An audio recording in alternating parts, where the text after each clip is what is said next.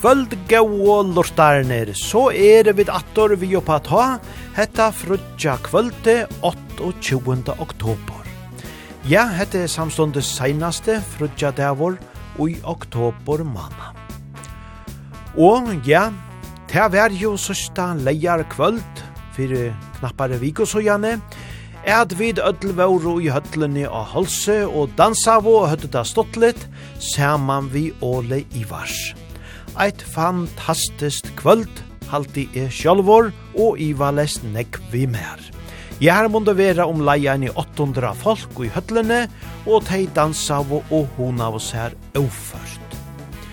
Vi færa sjálfsagt a gjerra sindeborster i ordet som kvölden hon, eisini ui hesare sendingene, vi spela gauan taunleik vi Ole Ivars, og vi skulle høyra omkre forvittnesli prat eisini. Og så er det såleis at uh, dette vikeskiftet, ta er jo til attevendande Soria treffe oppi av hotell Førjo. Så gå tid, soringar og soria viner oppi av hotellet noen, til hoa litt av vita at de dansa saman vi og kon og i oppa ta. Og vi skulle så sannelig eisene spela negra gauar soria kjenta tøvnar innan i middelen. Ja, men det er ikke boja vi, vi færa beina vegene gongt, og sjølvsagt sleppa Ole Ivars eller ja fyri i kvöld, og det gjerra tar vi einon fraløykon tøvna, som tar nevna de første ungdomsåra. Og så svinga vi ødel ut av gulvene.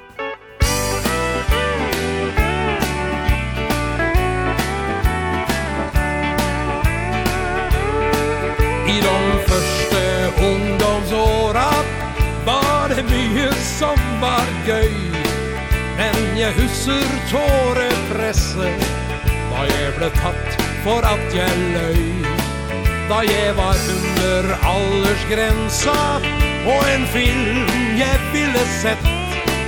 Jeg fikk aldri kjøpt billetten Da var ingenting så lett. Opp på tog og buss kunne det bli klust. Da løy mange alder ned. For å spara litt Det var så dyrt da gitt. Det hendte vel vi klarte det. Så da sparte vi en femmer Og det syns vi jo var flott. Det er som vi aldri glemmer.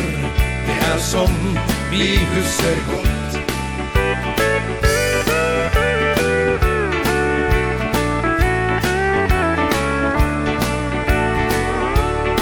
I de første ungdomsåra Er det mye ventetid Da kan åra virke lange Og som vil det alltid bli. Mye har jo blitt forandra Ifra jeg var 14 år. Men det meste er det samme Sjøl om åra går og går. For på tog og buss kan det bli litt kluss. Mange lyver alle er ned. For å spara litt, det er så dyrt da gitt. Det hender vel de klarer det. Så da sparer de en femmer Og det syns de er så flott. Det er sånt vi aldri glemmer. Det er sånt vi husker godt.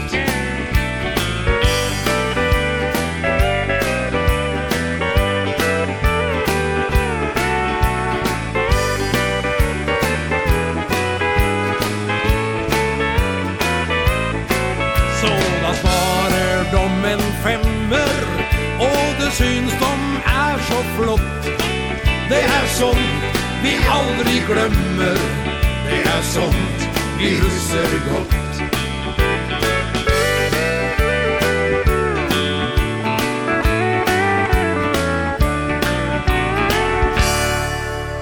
Ja, vi byrja og sjálfsagt vi Ole Ivars kvöld. Vi tar det her vi vel svingande sangenon, de første ungdomsåra. Og vi færa at høyra meira til teir settni og i sendingene, og vi prate verer eisene vi teimon. Men i kvöld er så eisene hette her Soriar treffe oppi av Hotel Førjom. Her og i negver danse og festgleier soringar er komne skjerman at hona ser eit heilt vikeskifte. Og tradisjonen tråja så dansa de saman vi oppa ta og i kvöld. Og tog skulle vi eisene senda eina Eina gaua helson igjen til Sorjar treffe, og vånandi hava tida godt ödlar oppe, og hava hona og dansa saman vi okon. Vi færi öllum førna spela onkrar gauar tøvnar, som så etla så hava tilknøyde til Sorødna. Og hessen her naste her, ja, han er ontsje undan teg, Læt okon bæra her teka Doodlebox som jo eisen i hava vitja mittlen anna og i sore, vi tarra slagara suderu. Musik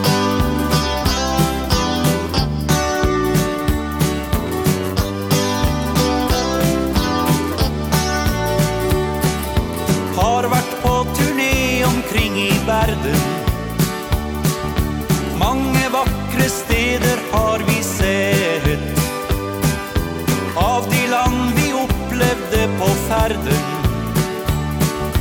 Er det ett vi husker aller best Vi vet om et deilig sted Vest i havet.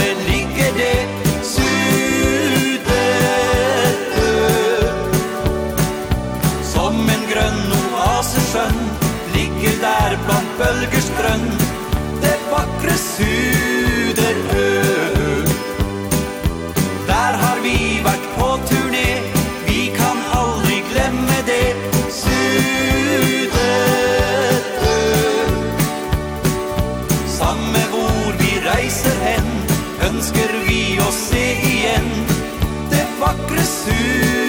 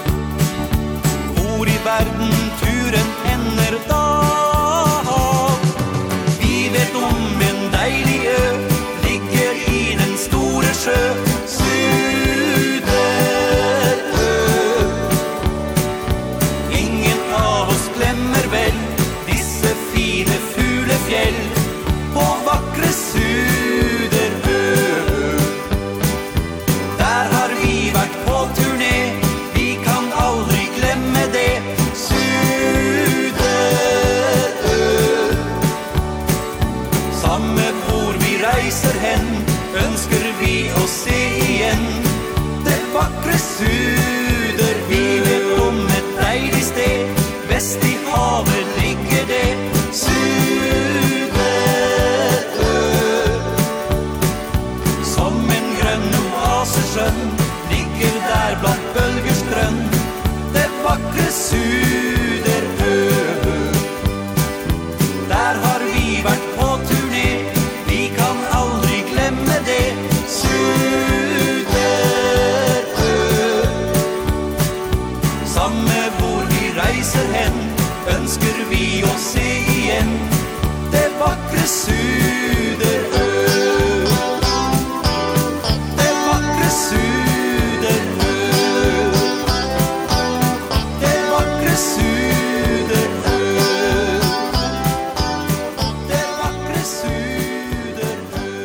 Suderø, ja, ein gauur sankor, Dodlebuks tar indavo eisene surøytna, ta vøkro surøytna.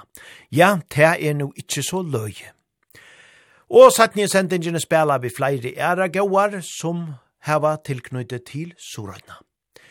Men nu er det så grønnvals som færa seta rattelige foto i adansegulven, børja var enkelt.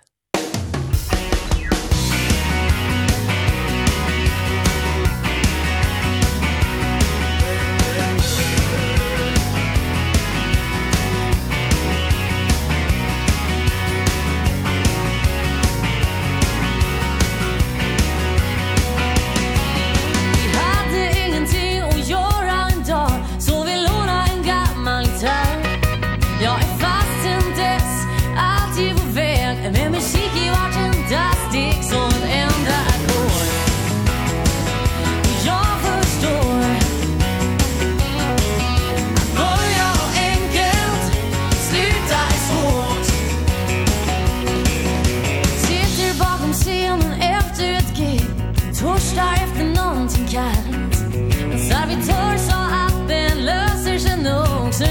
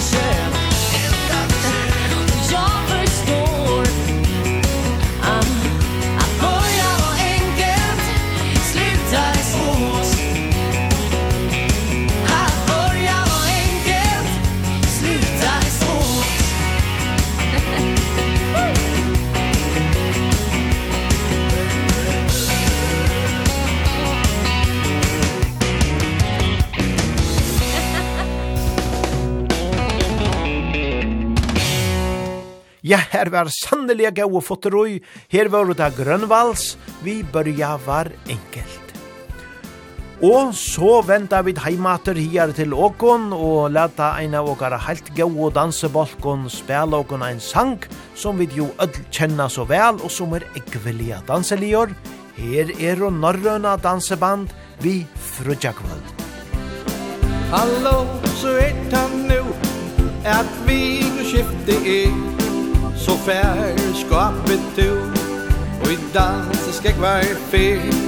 Vi fær opp at ta Så skundat her nu er Då i frutja kvölde mat Jo haldat vi man er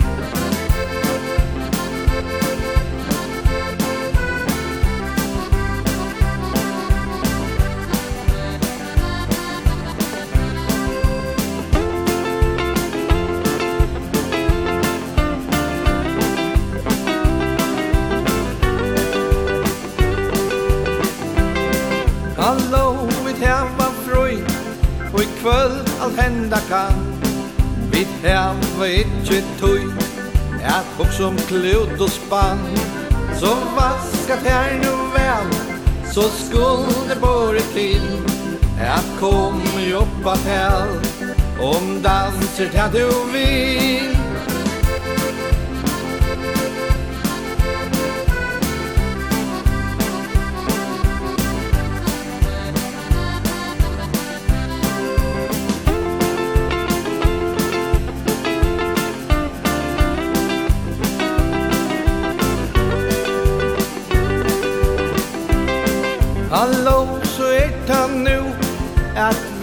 skifte er Så fær skapet to Og i danse skal hver fer. Vi fær opp at ta Så skundet og fær du her.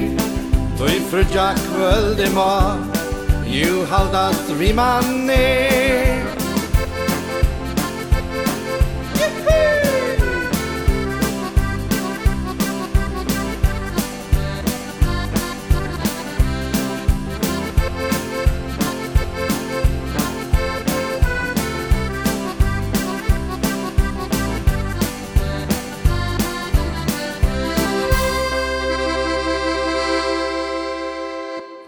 Frutja kvöld, ja sanneliga danselige tøvnar, herfra åkara fraløyga norrena dansebande.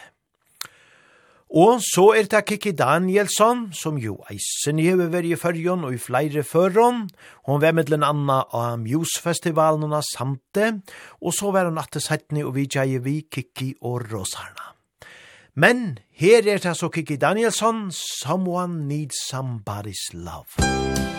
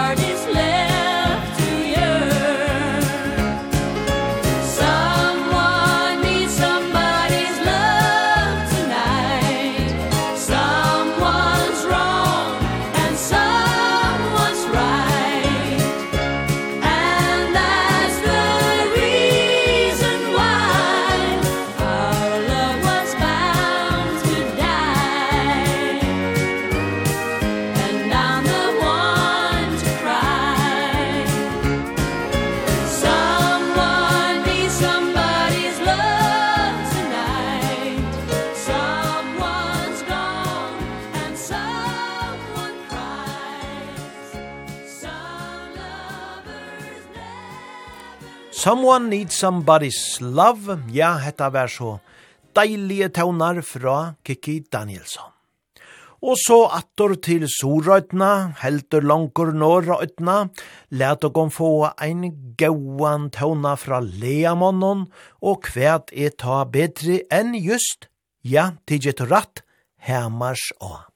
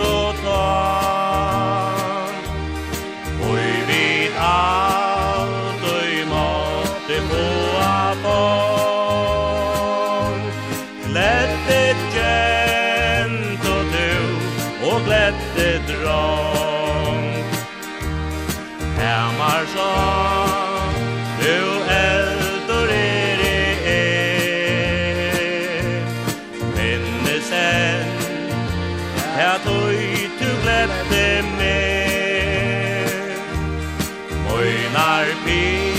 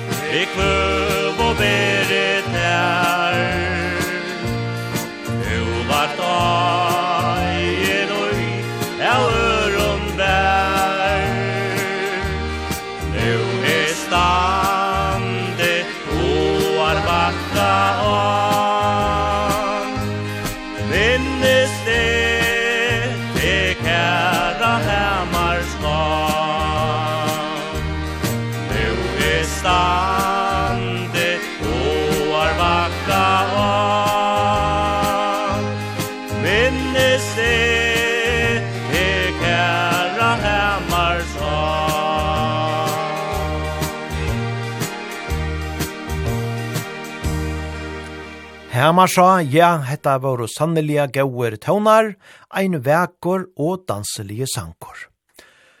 Kontrast som jo vera paddli ui i vaje, nastara dansebandsfestivalen, ja, teisinje og spela negv imist, og her er mittlen eisen i hendan her sanjen som annars eisen var kjentur fra fremfra glemselen, men her er det så grå Anita Johansen som så vel synker hendan her sanjen, Kjære Jon.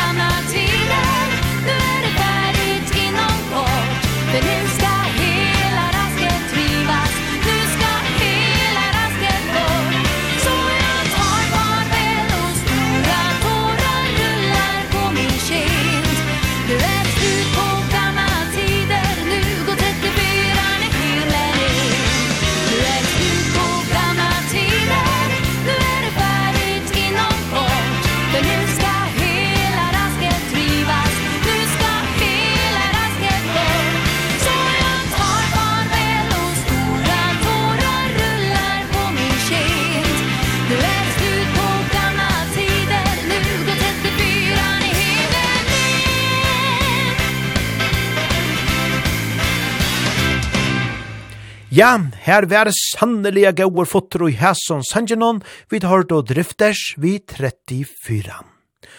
Og så skulle vi uh, lurte etter nøkron oppdøkken, som gjør der våre i høtlene og holse, sørsta leierkvöld. Det var eisen i ein rattelige stor løta tja mer. Sjølvån at sleppa her a standa av paddle saman vi stjøtnån som man jo hever inda og lurte etter og så nekv år. Og det var eisen i en stor æra at sleppa at presentera Megnar Bolchen Ole Ivars. Og så leis leva i te. Ja, mine damer og herrer, så er løtan kommet, ta i Ole Ivars er og klarer av pappelen. Her var du her i 2003, her var du atter i 2012, og nå 12 år settene er det så her, og Trøyna Dansen vantande til det seneste fer i følgende. Gjeve tar vi da et Risa stort klapp. Her er det Åle Ivars.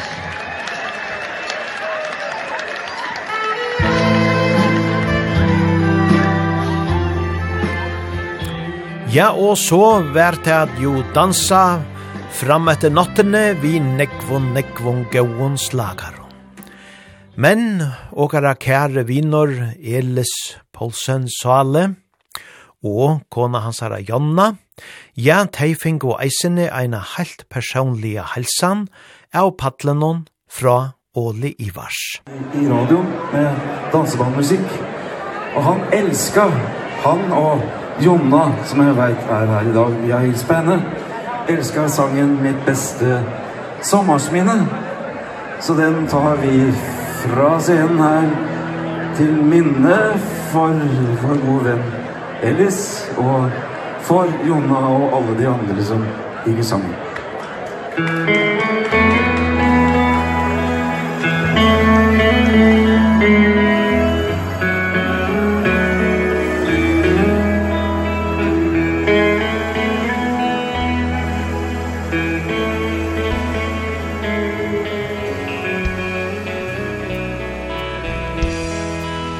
Jeg ser på stjernene tänker på dig. Det var här vi satt en gång. Vi satt och väntade på den sista färja Men natta vår var ung. Och du var varmare än sommarsnatta. Vi lot färja värgård Ei eng med blommor ble den mjuke senga Som vi to älskar på. Närmare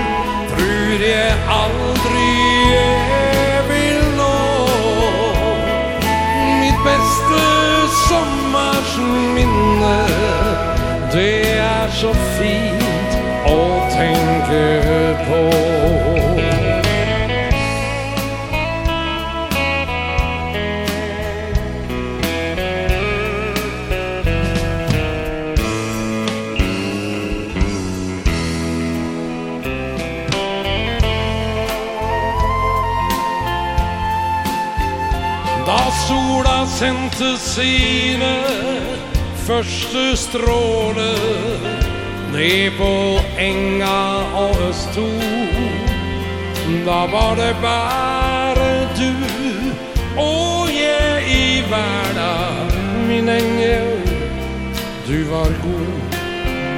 Den første morgens feria La til kaja Mellom blom sommarbarlovi Och få en sommarsnatt med deg i arma. Det var det mening i. Nærmere en himmel Tror jag aldrig jag vill komma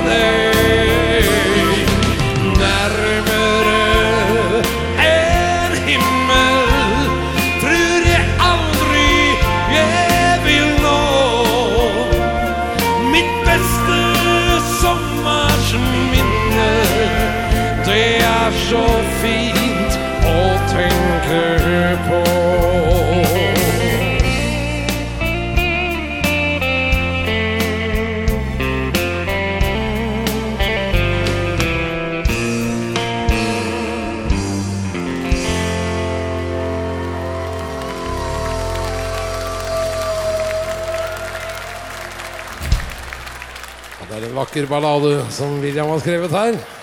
Vær så god, Færøyene. Spesielt i det ro. Veldig hyggelig. Ja, hetta var så sangeren om mitt beste sommarsminne. Og vi skifter så at han har helsene til Elis og Jonno, iver til hese utgavene av noen som jo er opptidgen iver i av festivalen og i Norra. Her og i Teibeie ta eisene våre støtt og ta finko hesa halsena fra sangarnon ui Åle Ivars. Men vi hava eisene tidsi opp fra hessen her kvölden om vi Åle Ivars, til tilfæri er tog han verri ikkje liot miksa, men no i settne sendingon så færa vi eisen a teka, akkurat bråte bortir ur, live oppdøkunon, ur høtlen i avholse. Men til veri så ikkje neka av tog og i kvöld. At han og en er nasta sanjen, ta verur um, eisene Ole Ivars ad høyra, ta verur ta nokkur prat vi teir, som er gjørte at han fyrre scenena. Men fyrst skulle vi høyra Ole Ivars, vi fraløyga tånanon, et bedre liv.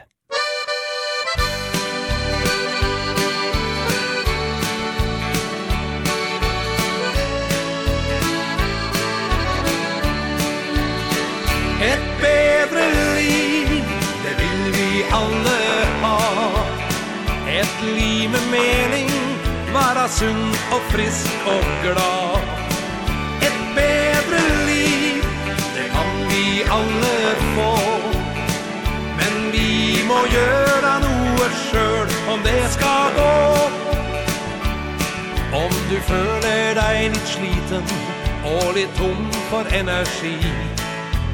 Gå en tur i skogen eller parken, ta dig fri. Ja, gi dig själv den gaven, det gör dig bara gott Det finns många gleder i det livet du har fått. Ett bedre liv, det vill vi alla ha. Ett liv med mening, vara sund och frisk och glad. få. Men vi må gjøre noe selv om det skal gå. Det er glede i å danse Finn deg en å danse med. Dans i egen stue Eller gå på dans et sted. Sving deg ut i sommeren På ei vakker blomstereng. Dans deg gjennom livet hängde med på ett refräng Ett bättre liv, det vill vi alle ha. Ett liv med mening, vara sund och frisk och glad. Ett bättre liv, det kan vi alle få. Men vi må göra noe selv om det skal gå.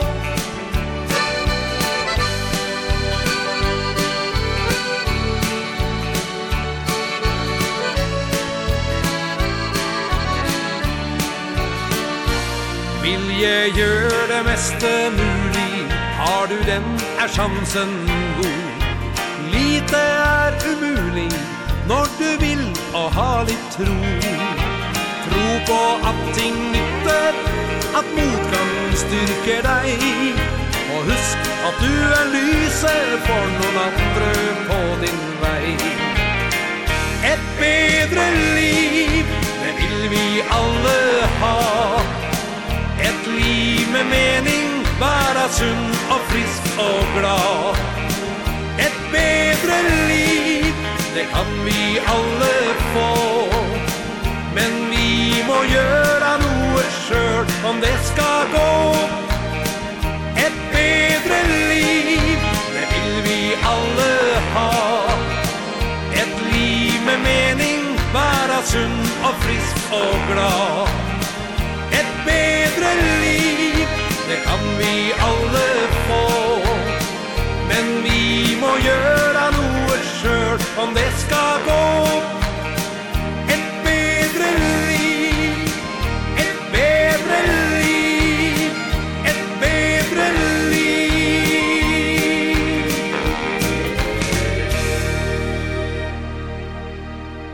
Ja, man føler ordentlig at han gaua stemningen atter der man høyrer hesa tånanar, vi tar to her og livars, et bedre liv. Og så færa vi da høyra eina opptøk som er gjør attan fyrir paddelen, backstage som de kallar det. Medan han sjekke hjelm og vimmen var av paddelen, så får hun nemlig manningen ui Ole Ivars, at det rommerna løte at få seg rokkot godt. Og og ta han fekk i år av trutjar av limonon og i bolkinon. Og vi gjør då hese her luttlo montasjena borster ur heson her opptøkkenon.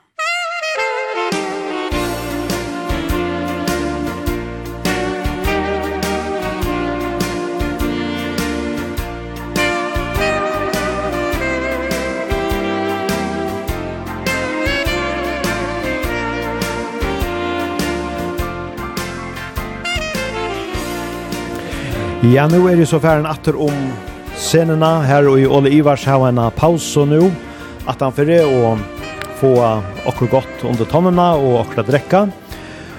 Og så skulle der atter av paddelen om uh, 20 minutter eller så Ja, Espen, hvordan har så det første settet gått i aften?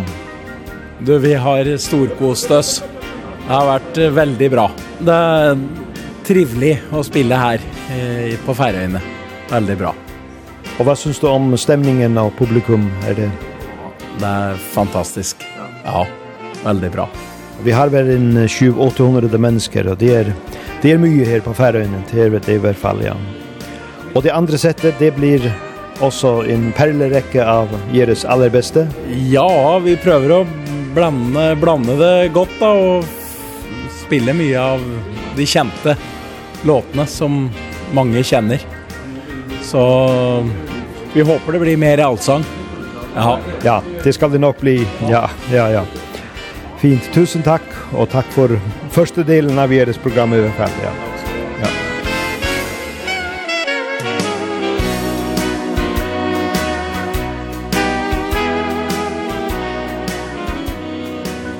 Og her sitter også William. Jeg prater lige med Espen om hvordan han tykte om omstemningen her i aften. Den är väl helt i topp tycker jag. Ja, det menar nog jag och Det är ju så många blide folk och så alla ser ut som har det väldigt tri trivligt och dansar till alla rytmer som kommer från scenen och och det är applaus och det är allsång och det det vet jag blir mer och mer utav kvällen då. För då kommer det fler och fler kända låtar och Och då nej, det här är väldigt bra. Kjempefornöjd.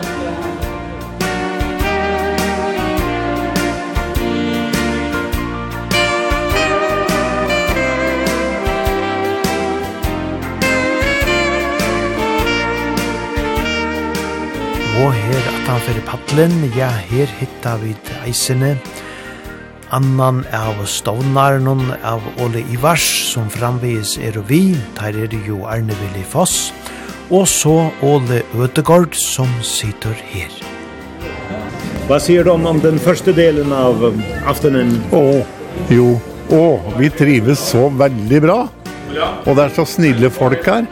Blie folk, de er snille mot oss. Og så fra forrige gang jeg var her, som jeg sa nå på forrige intervju med deg, hva har skjedd her? Det er jo en utbygning, og det er veier, og det er så voldsomme greier. Her har de solgt mye fisk. ja, det har vi vel, ja. ja. Ja, det er bra. Det er koselige folk. Vi trives så godt. Første økta så gikk det veldig bra. Vi har nå bestemt søttet litt på bakrommet og och just där ett lyd som eh, som vi vill rätta upp lite i. Och nu tror jag vi ska stå på någon skicklig sista ökta här. Ja, där kommer de helt stora låtarna måske till sist. Ja då. Ska få en tjucken och änglarna fanns och ja, alla folk ska synge med. Vi gläder oss mycket. Allt det bästa med resten av kvällen. Takk for det, og takk for at vi fikk lov å komme hit. Vi gjør det gjerne igjen, så da får vi se hva som skjer. Ja, det håper vi. Takk.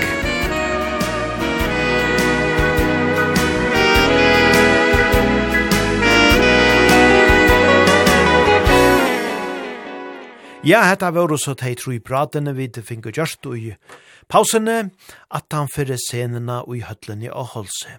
Og under opptøkene her så hørte vi fantastiska fløyte- og saxofonspelaren Arne Willi Foss spela hendan kjenta tonan Blue Hawaii. Og let okon bæra færa vujare vi fantastiska gavun taunon tja Ole Ivars. Ingen låter svinger bedre. Hette er ein live opptøka. Og her er ta eisene sjálvor William Kristoffersen som synkur. Musik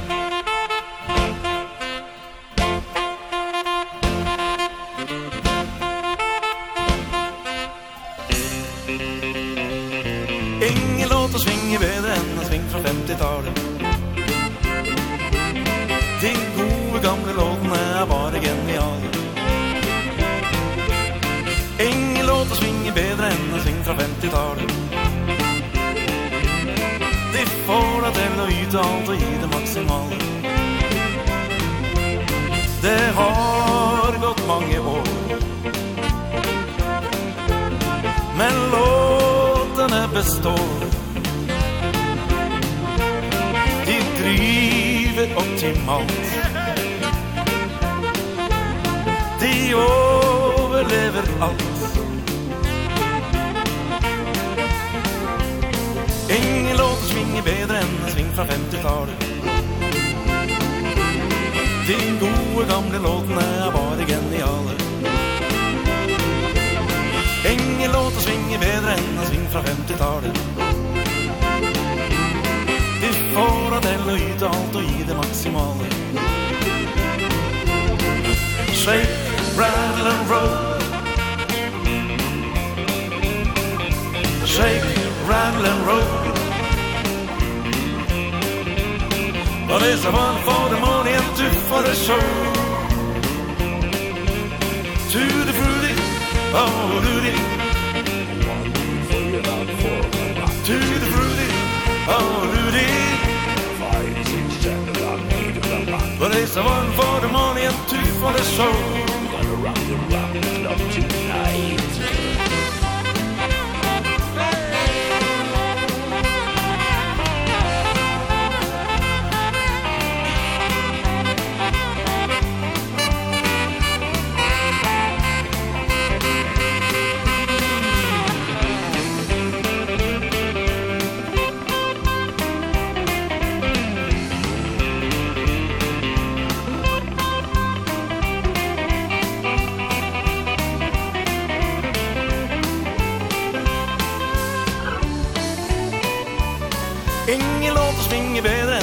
fra 50-talet Gamma låt fra 50-talet De gode gamle låtene er bare geniale. Elvis Presley Ingen låt å svinge bedre enn en seng fra 50-talet Gamma låt fra 50-talet De får av den å yte alt og gi det maksimale. Elvis Presley Superstar Det har gått mange år. Men låtene består. livet optimalt De overlever alt 50-tal, 50-tal, 50-tal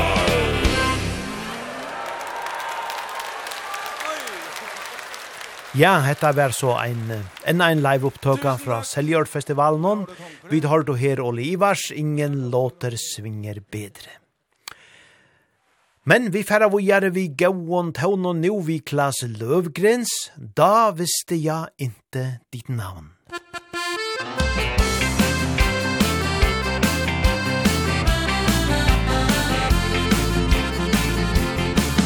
Jag kunde gå, men stanna kvar ändå. Jag reste mig till sist en dag snurrar runt Som i en karusell. Nya platser, nya vänner Nästan varje kväll. Då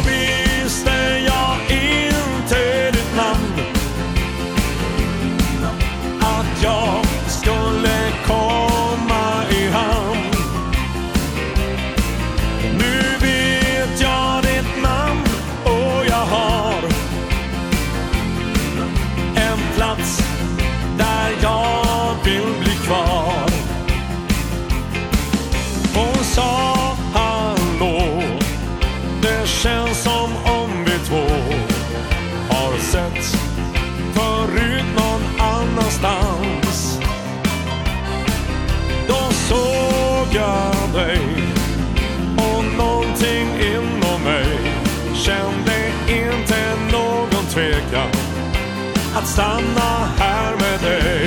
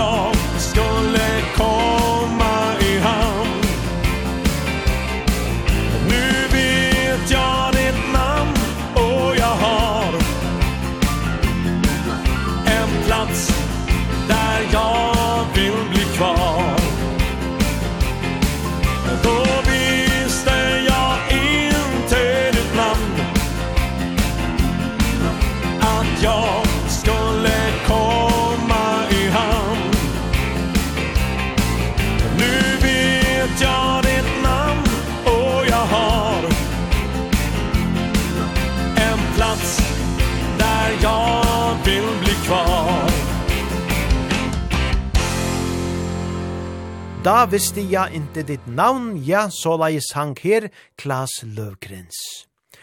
Og vantande og vånande er stemningeren gauar oppi av Hotel Førjon og Soria treffen Her teka vi ein gauan tåna ur Sori atræd, Tea verur vi Rudolf Niklasen Sala, her han fyrra sinja vi søyne føkker og rødt, Henda han vekra sanjen om etnena.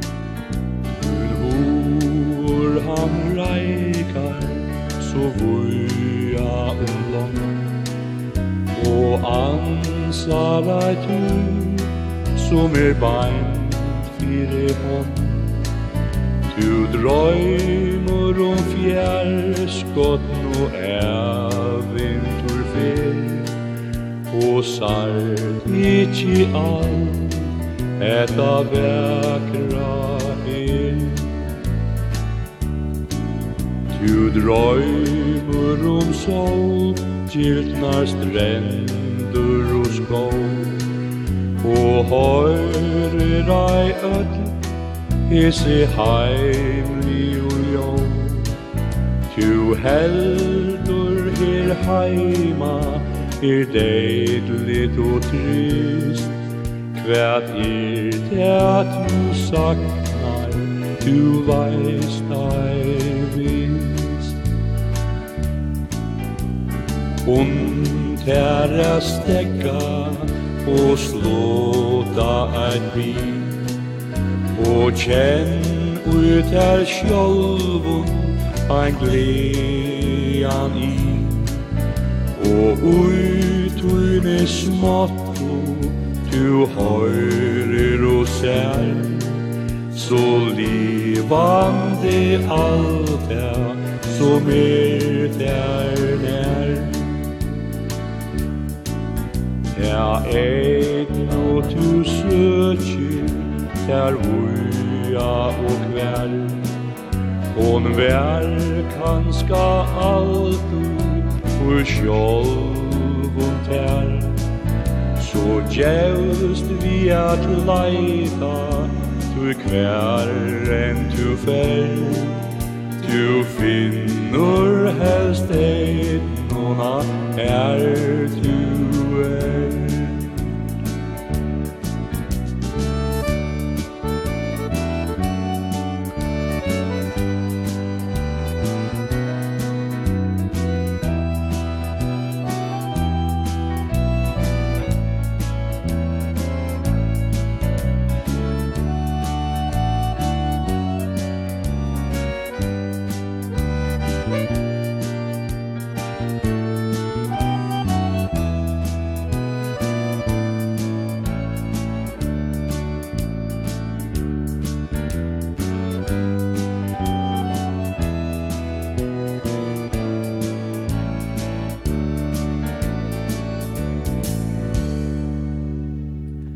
ein indeslia verkur tone og ikkje minne gau og ramandi år, og i hesson sangenon, etnan, som Rudolf Niklasen sale så verkurt sang. At han og enda nasta sangen ta færa ut slå på trajen i til Norrex til en mann som hei leida sær heim til fyrja, og i sama flåfære som Ole Ivars, vi tog fyrir eia er suttja og høyra teir av padle. Men fyrst skulle vi høyra hentan deilige sangen vi Skandinavia, ingen er som du.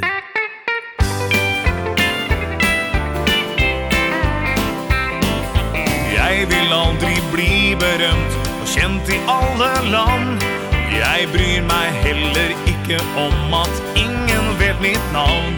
Selv statsministerjobben er vel ingenting for meg. Nei, aldri För det er en som elsker meg som deg. Så kjære, legg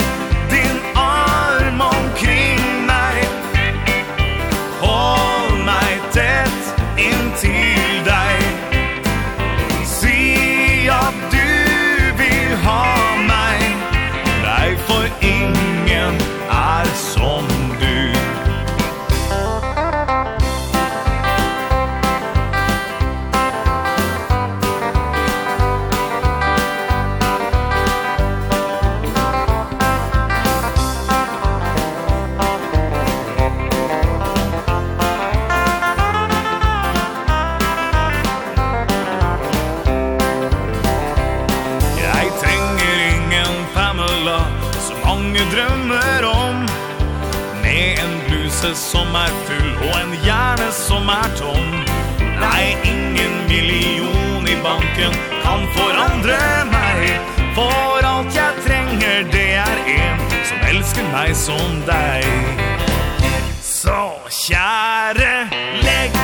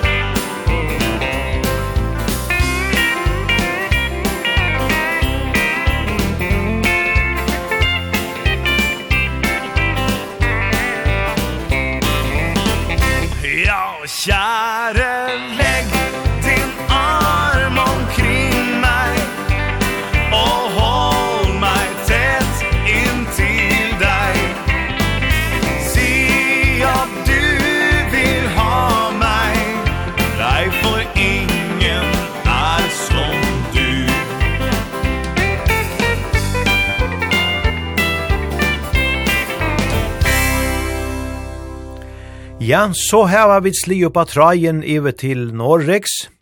Vi hava finnje fæter ui hessen her Hessen her norrmannen som uh, vær heima og, og vær vi til uh, konserterna etla dansen oppi i høtlen i Aholse. Uh, god aften, Jostein Bjarne Bjørdal. God aften. Jeg hilste på deg uh, på scenen der i, i hallen i, i Torshavn. Och jag förstår att att du kom till till Färöarna den här weekend för att vara med till dansen hos Olle Ivars. Ja, det var det som var huvudmålet för att reise over den helgen, den helgen då. Ja, ja. Ja. Och vem är så Jostein Bjarne Björdal? Var, var bor du och vad, vad gör du? Jag, jeg bor i Ørsta på Sunnmøre. Det är 5-6 mil innenfor Ålesund på i i Norge. Och jag jobbar som vaktmästare på, på skola och barnehage. Tidigare har jag varit bonde på heltid, ja. sånne farmer eller hva. Med, med kau, med kyr. Med, med kyr, ja, okej, ja. Ja, ja. ja. Men det är du så inte det? Nej, nu är jeg kun jobbar i kommunen. Men hvordan er det så, reiser du så ofte rundt med når, når Oliver ser ut til, til jobb? Ja, jag räknar jeg räknar tre fyra gånger på i løpet av et år då. Men jag synes det var lite extra nå når jeg skulle til Färöarna. Det är lite sånt för Färöarna mer än andra platser. Jag var där tidigare för 11 år sedan, men då var det bara tur, men jag tänkte det nu när jag ska bort där och livas då vi är där samtidigt då. Jag syns ja. det är trivligt folk och allt på Färöarna. Är det så är det så andra gången du är på Färöarna? Ja, det tidigare då var jag lite runt i Klagsvik och Söderöj och sånt. Och den gången var det nog bärigt också. Och reiser du runt till till andra dansband än än Olivars också till konserter och sånt? Ja, jag ska nog senast om i mån till, om i mån ska jag nog stå och höra på Ingemar Citronland. Ja, okej okay, ja. ja. Och så uh, lite sån uh, festival på Säl och så styr. Där brukar man och träffa folk ifrån Färöarna. Ja, det stämmer, ja. ja, ja. Har du varit många gånger på, på Seljord och Sel? Nej, Seljord har det inte varit ändå, men på Säl vore cirka andra kvart år sedan start i 2001. Ja, Ingemars, de var också på Färöarna här. I, de har varit, de har varit för också, men de var i maj månad i Dansebandsfestivalen i Suderöj i Våg. Är det maj den festivalen är så kan han borde ta mig tur dit med. Ja, det tycker jag ja. Du är välkommen neste, neste år. Da da da blir det igen dans och bandsfestival i Våg. Det er första weekend i maj månad och där kommer kontrast bland andra. Oh, ja. Ja, jag syns det var i hvert fall en trevlig helg. Det är nog det trevligaste jag var med på på länge. Det syns det var godt med folk og stor stemning. Og ellers var han en veldig god vokalist, sier Bernt tidligere, men han, Hans Jakob Hjelm syns det var en veldig flink vokalist. Ja, han, han har en fin, en fin röst, ja. Och de spelar också sådan blandet dansebandsmusikk också. Ja. Han, han har nämligen tagit någon, någon låter från forskjellige danseband, bland andra Ingemars, og, och satt färsk text till. Så Det er veldig fint. Ja. Men her til, her til sist, uh, kanskje du, du ville ønske deg en, en sang, så kan vi så kan vi få den på programmet i, i, i afton og så... Vi kan, kan kanske ta en Ole Ivars då, en får vara som en är. En får som en er, ja. Ja. Ja. Men den kan vi ta nu efter, efter pratet, ja. Ja. Ja, men jeg, jeg sier tusen takk for, for samtalen. Det var veldig, veldig koselig å høre i deg, og, og måske ses vi neste år til, til Dansbandsfestival på Suderøy. Ja, får håpe det. Men du må ha en, en god aften fortsatt. Ja. Ja, ha det bra. Her kommer Ole Ivars. En får være som en er, når det vart som en sku, heter en låt med Ole Ivars. Her kommer den!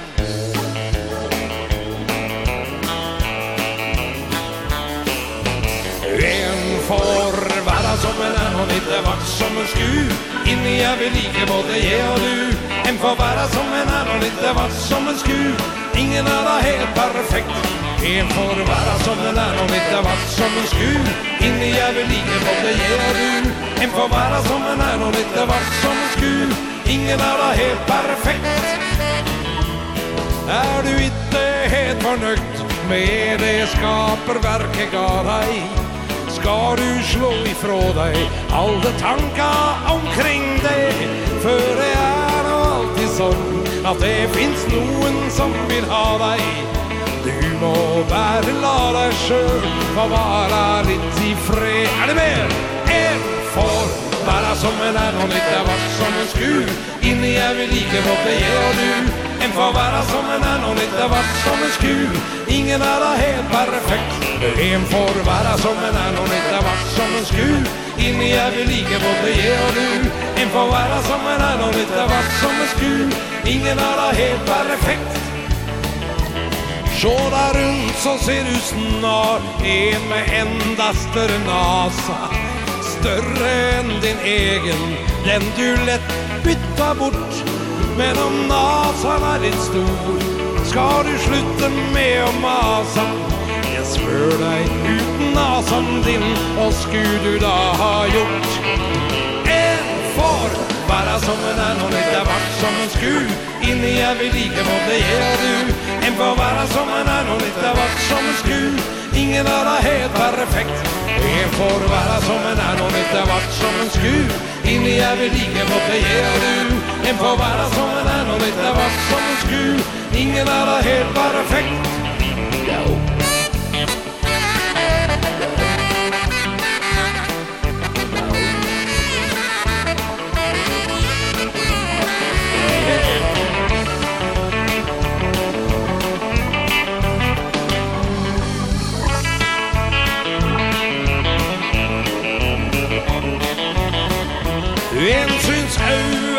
for tett En er misfornøkt med øra Ja, noe vil de fleste Innebytta på seg sjøl Men er du en sjelden fur Slå ut venga, brus med fjøra Den som truner bæren deg Er kun en husselknør sommen er nå litt er vart som en skur. Inni jeg vil like både det og du En på som en er nå litt er vart som en skur. Ingen er da helt perfekt. En for som en er nå litt er vart som en skur. Inni jeg vil like både det og du En på som en er nå litt er vart som en skur. Ingen er da helt perfekt. Ladies and gentlemen Er vi klar? Kan vi løfte hendene over mot telttaket og bli med?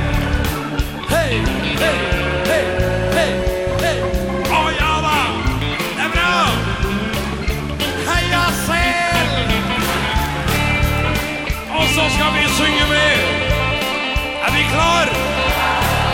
Er vi klar?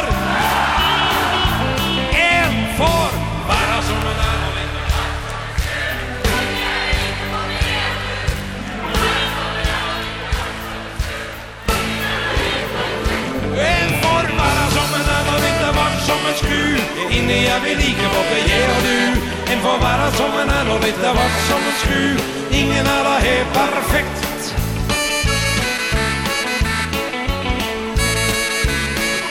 Du är en förvarra som en är Ingen är, ingen är, ingen alla är perfekt. För en gäng Klapp for dere själv Veldig bra. Ja, veldig bra, ja, det har vært her sannelig eisene, sørsta leierkvöld og i høtlene av holse. Ja, vi tar du her, Ole Ivars, vi hese Sanjanon, som Jostein Ingstesær, innfor vera en er. Og så sier Jostein, hesten her normaveren eisene, at han har pratet, er at han domte så grolig vel vassend guttane, og det var kanskje eisene tog, at forsankaren, og og teksta skrivaren, ui vassendguttane, som jo eitor sindre am, ja, han og hesten her Jostein våre sikkjena bøtten. Så let dere om bæra til stortleika, teka ein gauan og festlian tåna vi vassendguttane. Teksten er lojtjast vi kvørt, onkren av oss nir festlig og stuttlig og teksten hon, tja just Ole Ivars. Her er vassend guttane vi hytta mi. Musikk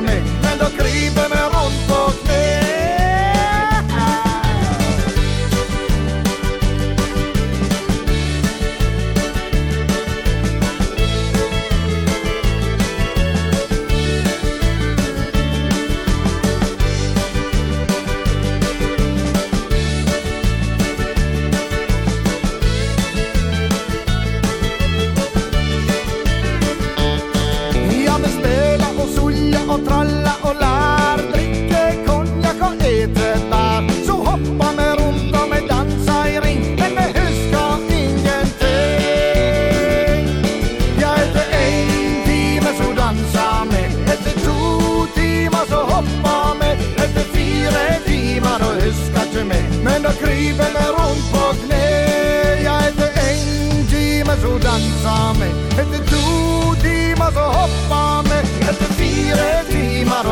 till mig Men da kryper man rundt på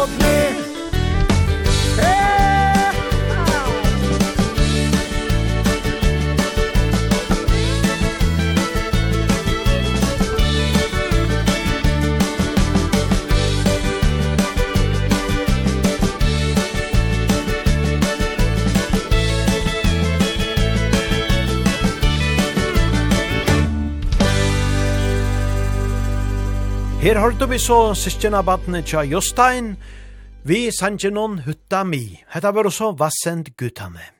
Ja, Jostein, dette var så også en hilsen til deg. Ha det bra. Og så færa vi attor til Soria treffe og skulle teka ein gauan tauna, som jo eisen ber bra av Sore, sannelia. Nu skulle vi langkors sora øtna til Voks. Og Torskjell, jeg veit at du er av hotellet noen, eisene og i kvöld. Her kommer ein tone som jeg veit at her damer vel.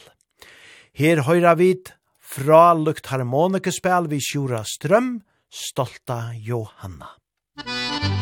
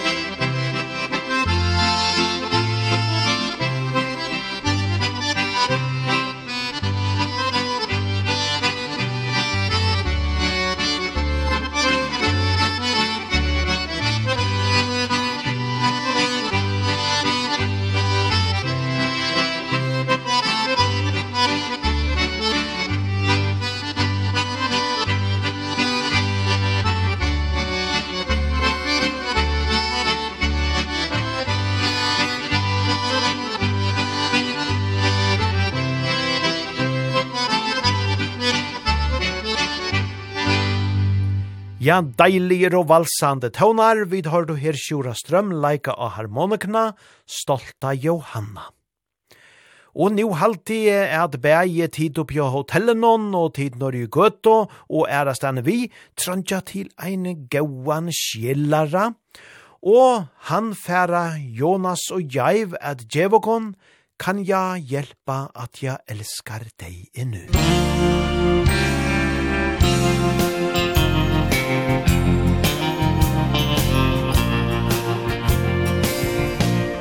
Det finns så mycket som vi glömt. Men det vackra har jag gömt. Kan jag hjälpa att jag älskar dig ännu? Det var en härlig tid som var. Men hos mig finns allting kvar. Kan jag hjälpa att jag älskar dig nu? Jag undrar om du någon gång funderar. Kanske tänker vi på samma sak ibland. varje dag jag går och fantiserar. Och jag tänker på när vi gick hand i hand. Men varje gång som livet ler Är det alltid något som sker. Kan jag hjälpa att jag älskar dig nu.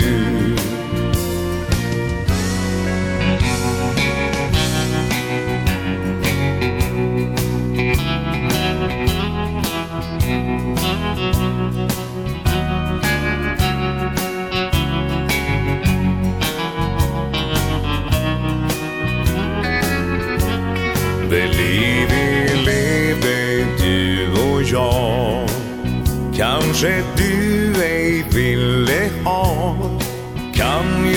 hjälpa att jag älskar dig nu. Jag går här varje dag och fantiserar. Och jag vet att det finns ingen mer som du.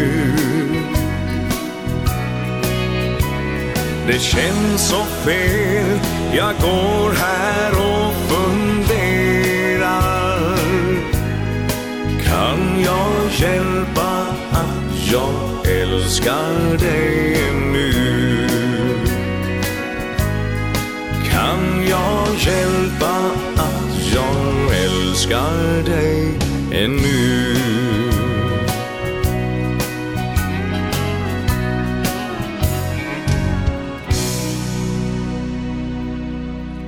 Hetta var så svensk og Jonas og jeg som her spalto og sungo, kan jeg hjelpa at jeg elskar deg ennu.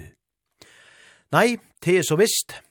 Og let dere nå fære ive til Donnes og ein av tarra heilt kjent og tøvnån, som sannelig kan sette fot i av dansegulvenon, her er Åhus Strand.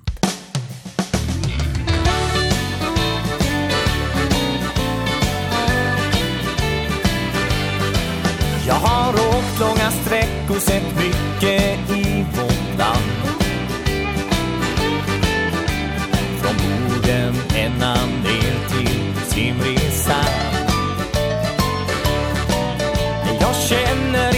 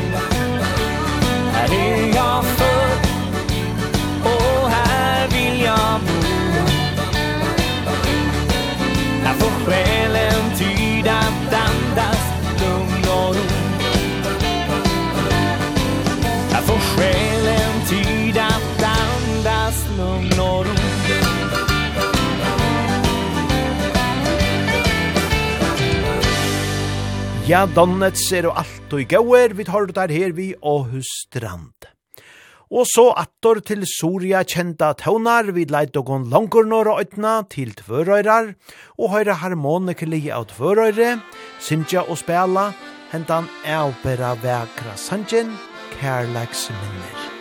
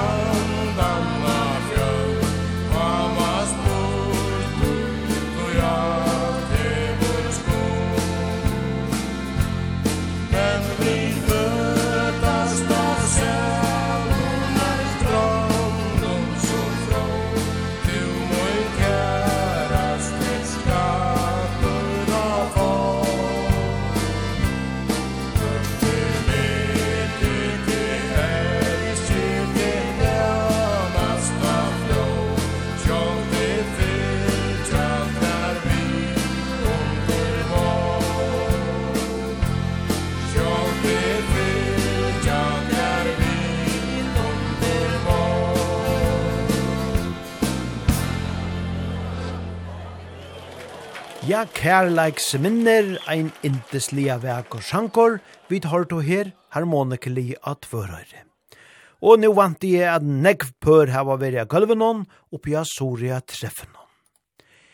Vi færa vojare, vi atter einon gauon tauna fra Ole Ivars, ein vekor sankor som eitor, vi lever i håpet. Musik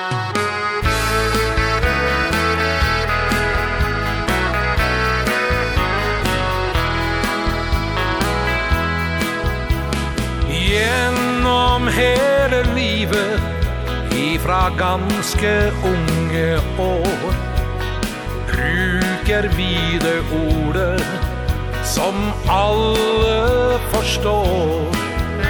Det ligger ofte tanker bak Når ordet blir sagt. Til syvende og sist Har jo alle lita makt. har håp om god vær Når du skar ha hagefest.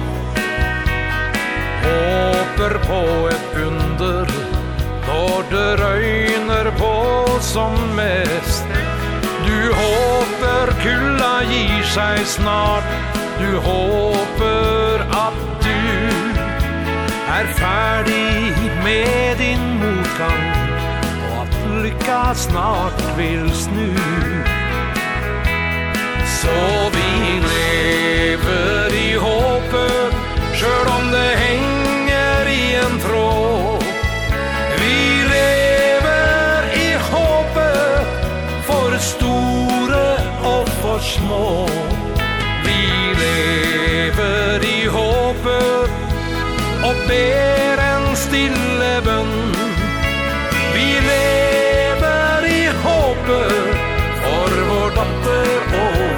sun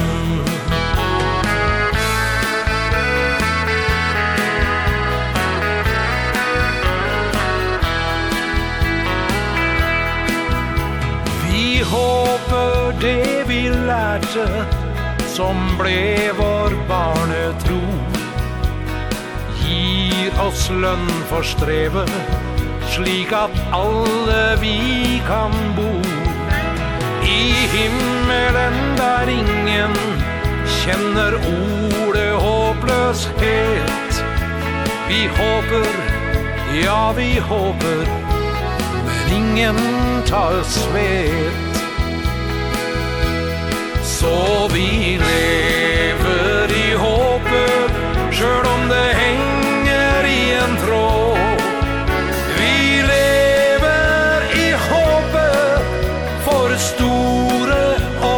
små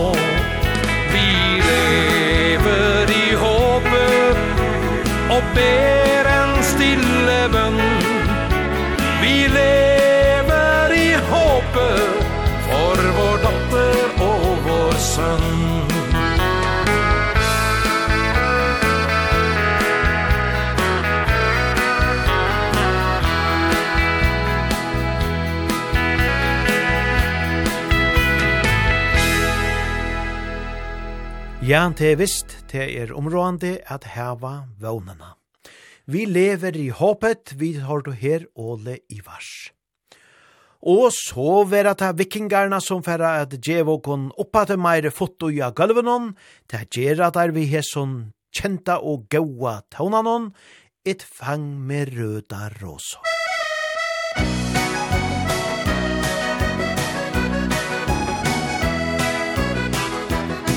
Jag sitter här i nattens sena timmar. Och väntar på att jag ska resa hem. Jag vet att du försökt att mig ringa. Men jag har inte kunnat nå dig än. Jag sänder ett fång med röda rosor till dig. Och hoppas att du förlåter mig. Jag önskar att du vill ha ditt hjärta på glänt För allt som är gammalt och känt. Jag sänder ett fång med röda rosor till dig Och hoppas att du förlåter mig. Jag önskar att du vill ha ditt hjärta på glänt. För allt som är gammalt och känt.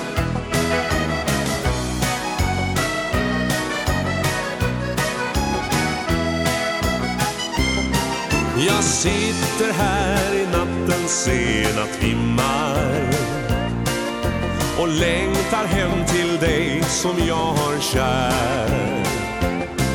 Nu ser jag allt det vackra genom dimman.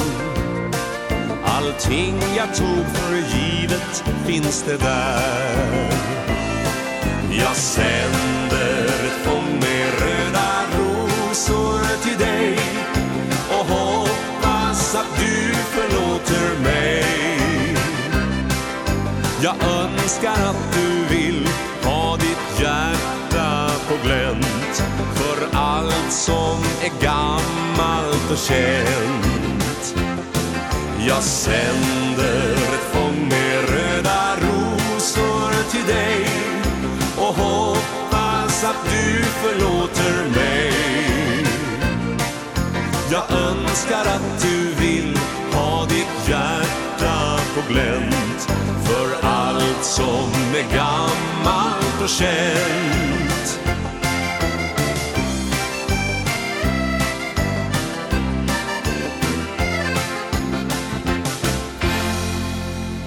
Innfeng med røda råsor, ja, vikingarna, tar doa sannelighet her, er seta godt liv ui adans gulvene.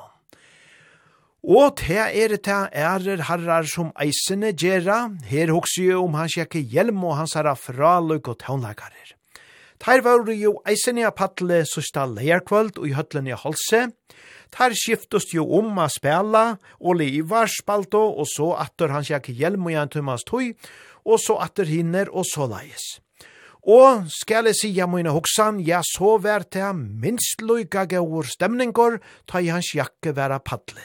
Ta være kosse så er ønske at han fyrre. Og ta er jo alt og så, ta i jo han og hans herra vimmen, er å a padle. Og jeg veit at hans jakke og Fruan tei ero saman vi øron, danse glavon sorengon, og a treffen hon i kvöld, og a hotellen Og man ikkje han færa finna onkra mikrofon her oppe, og truiva ui onkran gauan dans, jo tea vant je. Men let okon bæra spela ein gauan tauna vi, han sjokke og hans herra. Vi månån, her er og teir vi, nu og så alt løyve.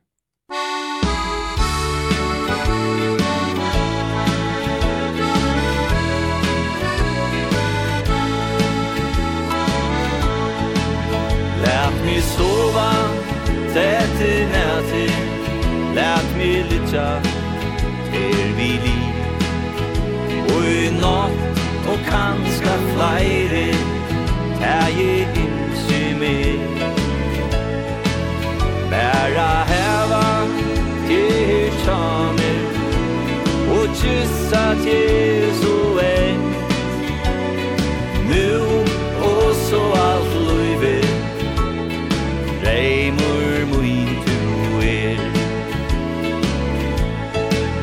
Ja, vi mangar ferur Innskje hatt Og kvinne som tje Men jeg veit at hon er tro på At finna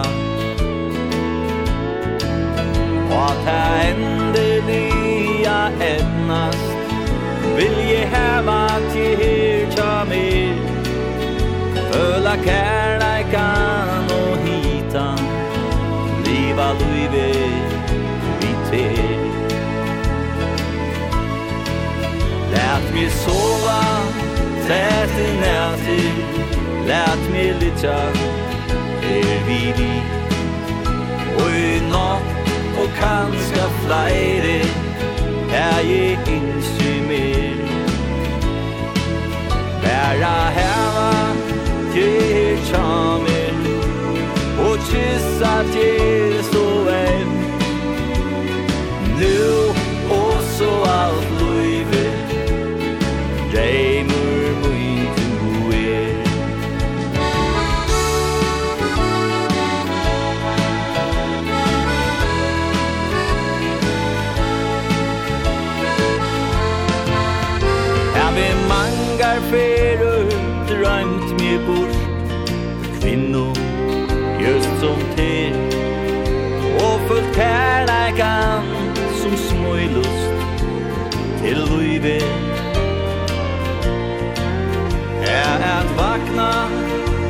kun morgon.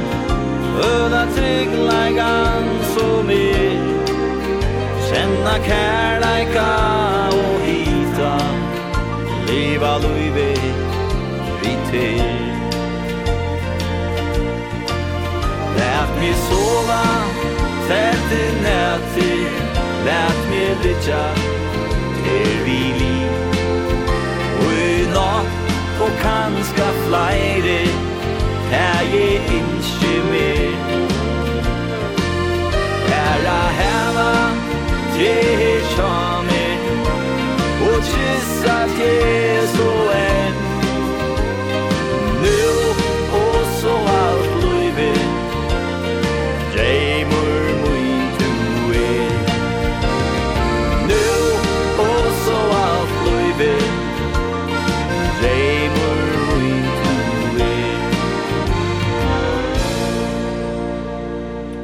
Ja, indeslitt og romantist, nu og så alt løyve dreimor mun to er. Vi tar du her Hans Jakke Hjelm og Hansara Tånlagarer. Vegri hever ikkje veri av de allar beste, sa her søste vikina, til hever i ekvelia gralit og oist nyer inni middelen. Men i halte vi nøya spæra sia, just som Arctic Band gjerra, eier blaffen i været. Musikk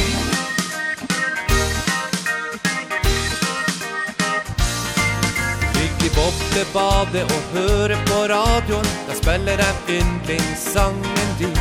Jeg smiler og ler når jeg tenker på deg. Du gir så mye til meg. Da vi lå i senga og hørte på regnet En stund før vi sto opp her i dag. Det var så godt, det var søndag og fri. Jeg er så glad du er min. Jeg gir blaffen i været. La det regne, la det snø. For så lenge jeg har deg, min kjære Kan bare bygang og stå der i kø For jeg har sola hos meg Det er et kompliment til deg Derfor gir jeg blaffen i været Du lager god vær inni meg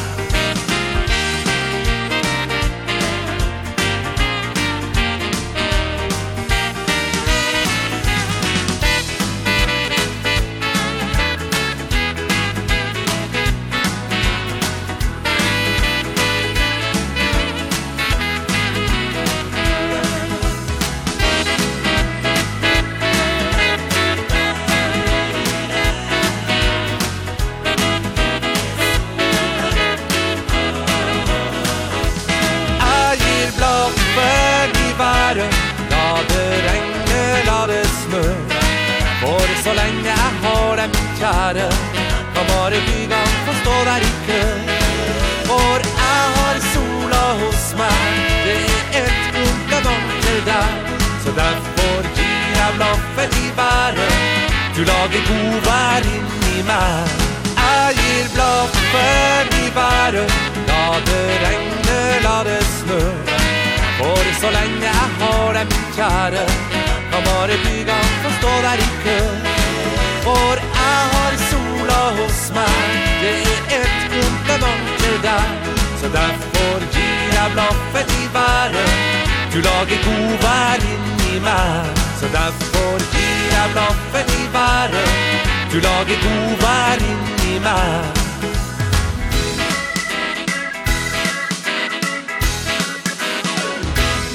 Arctic Band har det vid her vid Sanjanon eier blaffen i været. Og så atter til fraløg og vikingarna, her vi er noen kjenton svingara, skomager Anton.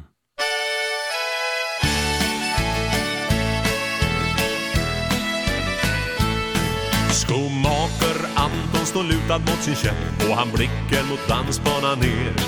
Bland björklöv och människor i trängseln där, i ljushåret høst han ser. Han tittar lite extra när hon svänger runt I dansen med sin kavaljer. Hans hjärta bankar och hans kind blir röd När han möter hennes blick och hon ler. Han sluter sina ögon och han tänker tillbaks Till midsommardansen 21 Det var den kvällen han mötte Elin här. Hon var den grannaste tös han sett. Och än kan han höra hennes glada skratt När de svängde runt i en dans. Hans hjärte banker och hans kind blev röd När han tog en riktig chans. Ja, skomaker Anton frågar dig Elin, vill du bli min fru? Du behöver bara svara ja eller nej Men du måste svara nu. Jag har köpt en biljett till Amerika Och båten går om åtta dagar. Elin, jag vill ta dig med. Det finns säkert biljetter kvar. Skomaker Anton, du var mig en filur. Jag känner dig knappast än. Bäst verkar du stor och stark och trygg. Och nog vill jag vara din vän. Men min far och mor, de behöver mig nu. Så jag får vänta på dig här. Anton, res du till Amerika. Men stanna ej för länge där.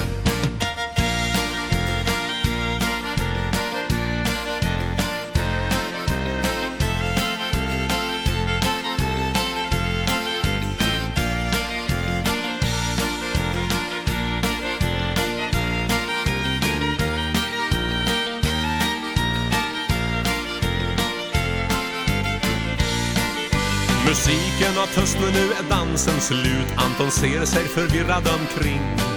Den ljuset tösa hon är borta nu. Och kvar och drömmen finns ingenting. Är vårdarinne tar tag i Antons arm och säger Nu är det dags att gå hem. Så vänder de tillbaks mot byn igen Och kommunens ålderdomshem. För skomaker Anton han är gammal nu. Hans hår har blivit tunt och vitt. Och Elin fanns det bara minnen kvar När han kom tillbaks 71 Men än kan han höra hennes glada skratt När de svängde runt i en dans. Hans hjärte banke och hans kind blev röd Och var den grannaste tös som fanns. Ja, hans hjärte banke och hans kind blev röd Och var den grannaste tös som fanns. Vikingarna ljaua og her vi sanjanon skomaker Anton og fyrlunds tar djevogun tar nast og tånanar, tro hva du vil.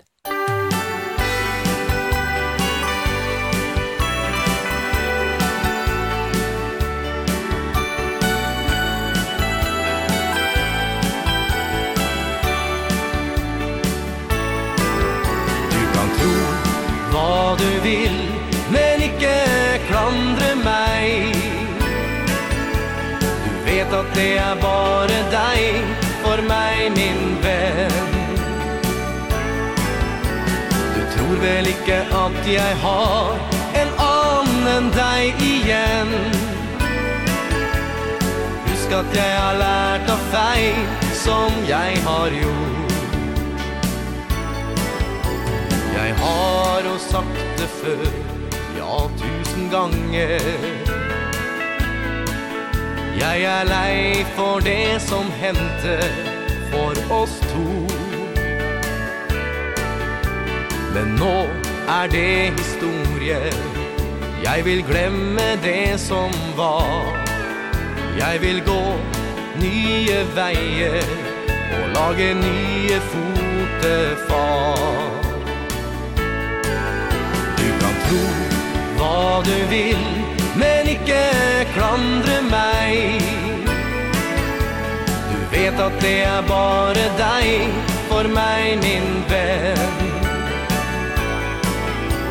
Du tror vel ikke at jeg har En annen enn deg igjen. Husk at jeg har lært av feil Som jeg har gjort.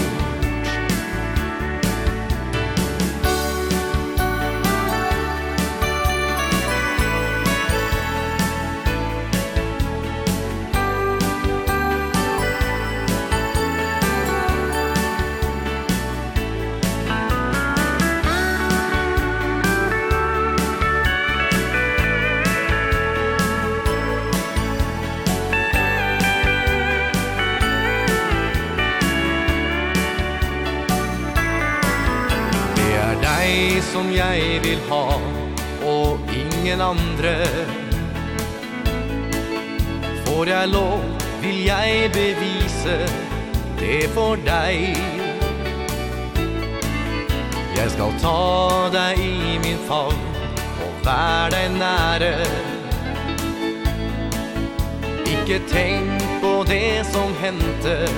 Vi lager nye fotefall.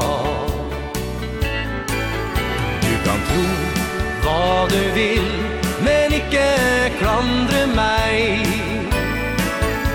Du vet at det er bare deg For meg, min venn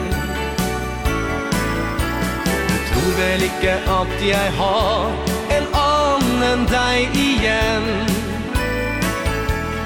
Husk at jeg har lært av feil Som jeg har gjort. husk at jeg har lært av feil som jeg har gjort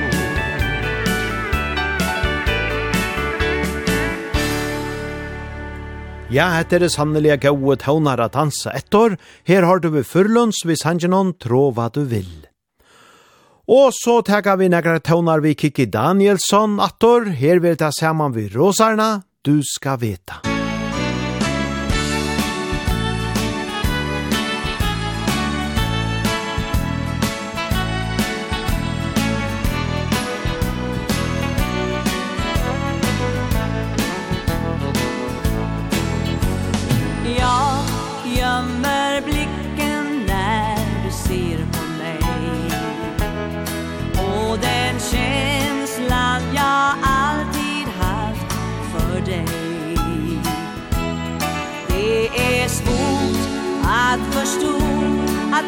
ska gå nu.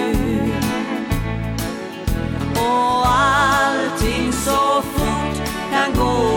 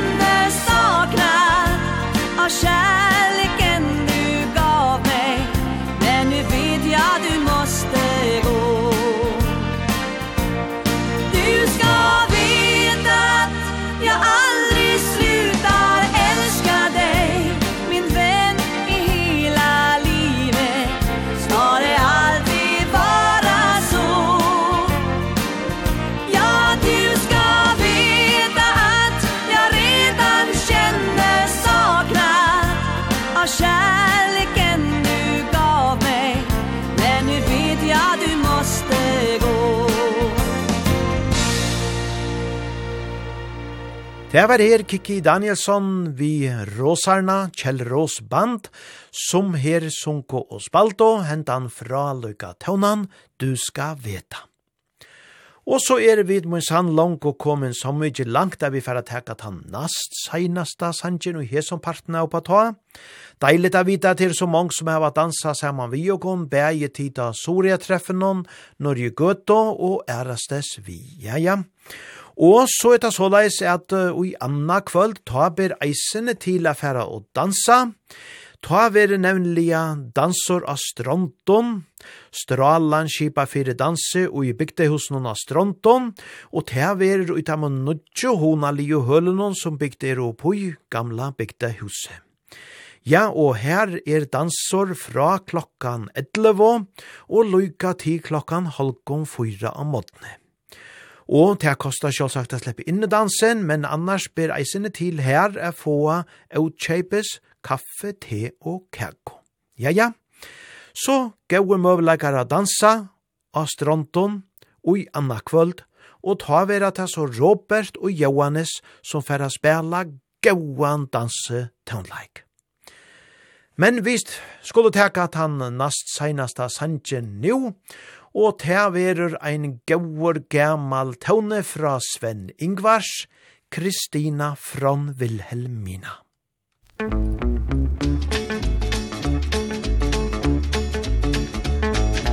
När jag gjorde lumpen, högst upp i Sveriges land. Där uppe i bland skogarna, i midnatt solens brand. Då mötte jag en flicka, en kväll när jag var på dans sötast utav alla. Ja, den sötaste som fanns. Åh, Kristina Från Vilhelmina Får jag smeka din kind för att kyssa din leende mun. Åh, Kristina Från Vilhelmina Får jag hålla din hand Får jag viska ditt namn Kan jag stanna en stund. Åh, Kristina Åh, Kristina Vill du bli min mitt hjärta står i brand. Jag minns så väl den gången Vi möttes du och jag. Vi dansade hela kvällen Du dansade så bra. Du var en prickig klänning Och en kofta vit som snö. Jag blev så kär och galen Så jag trodde jag skulle dö.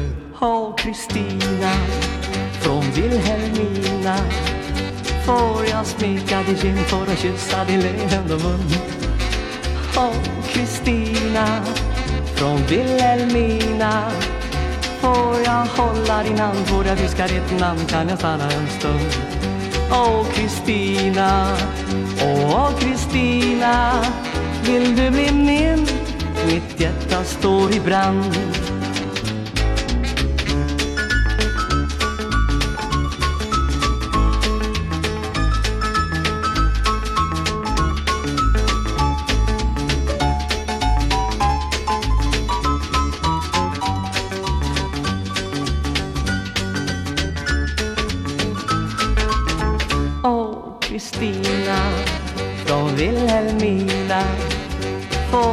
sänkan i kind för att kyssa din leende mun Åh, Kristina från Vilhelmina Får jag hålla din hand för jag viskar ditt namn kan jag stanna en stund Åh, Kristina Åh, Kristina Vill du bli min?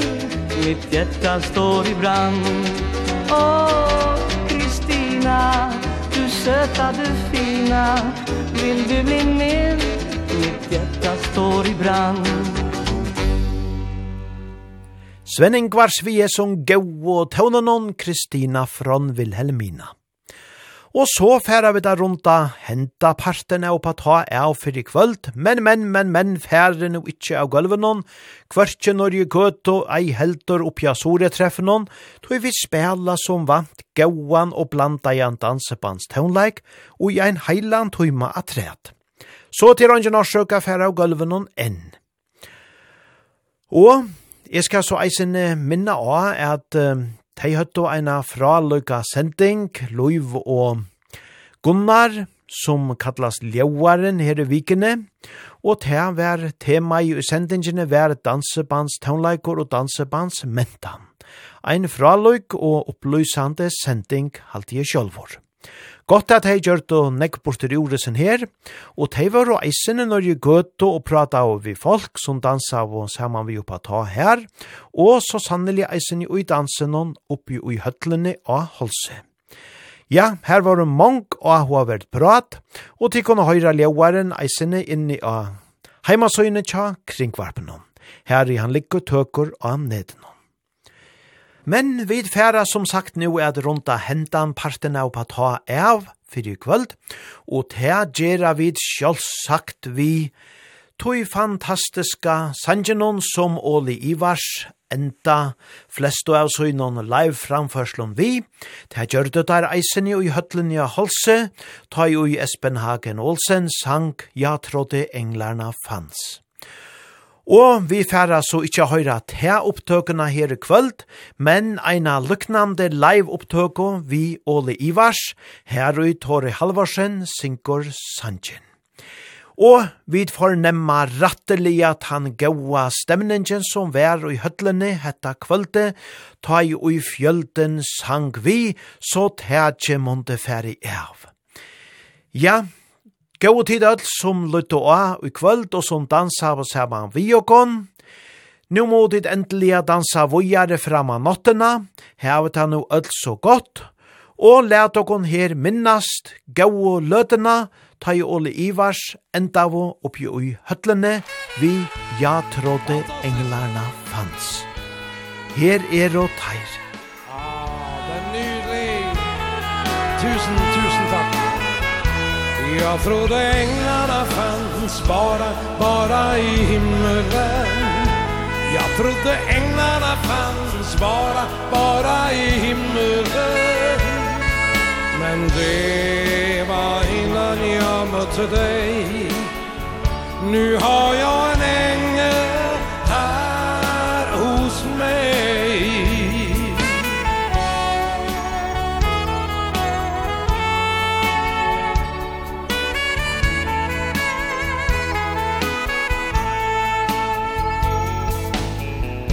Det var en helt vanlig dag.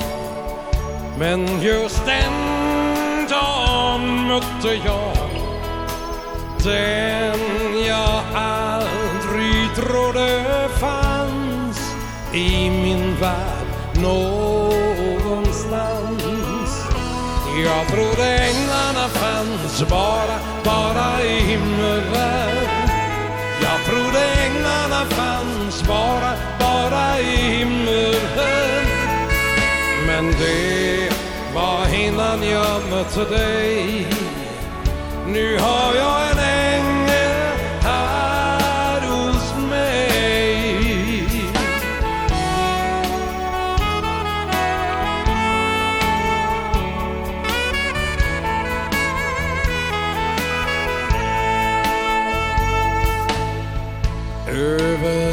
grensen måtte ge För att finna kärlefred Och nå följa i mig Du är min tvillingsjäl Jag trodde änglarna fanns bara, bara i himmelen. Jag trodde änglarna fanns fanns bara, bara i himmelen Men det var innan jag mötte dig. Nu har jag en ängel här hos mig. Jag trodde änglarna fanns bara, bara i himmelen Jag trodde änglarna fanns bara, bara i himmelen innan jag mötte dig Jag har en ängel här hos mig Är vi förnöjt? Ska vi ha mer? Är det möjligt? ja, da får dere synge så godt dere kan. Og vi hører på et kor fra dere. Ja, Frode England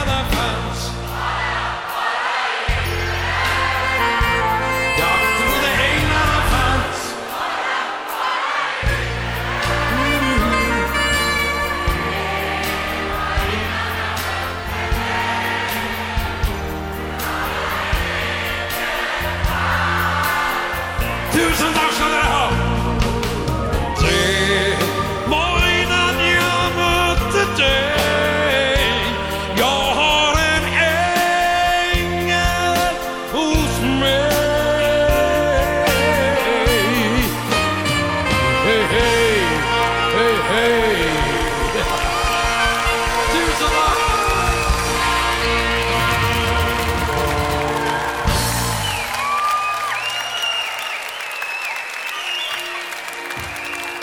Tack ska du ha. Va?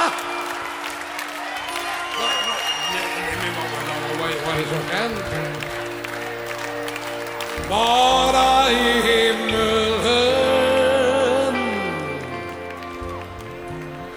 Jag tror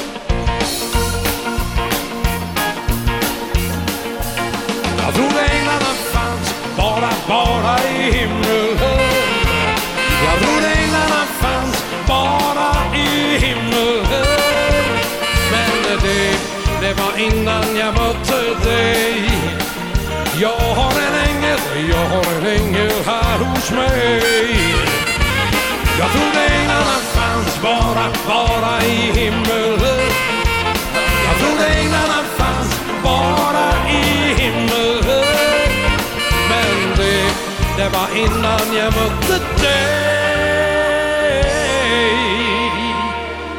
Jag har en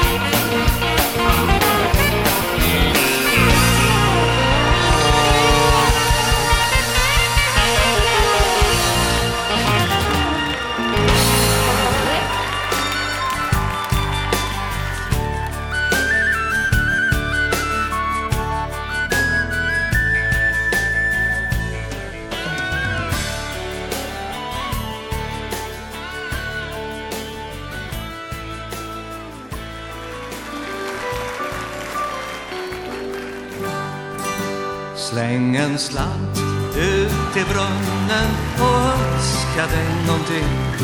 Tänk på något speciellt som du vill ha. Släng en slant ut i brunnen. Kanske just din dröm slår in. Jag kan ända den blir det verklighet idag. Lilla Anna var förälskad i Per Nilssons nya dräng. Därför gick hon ner till brunnen Slängde dit sin sista peng.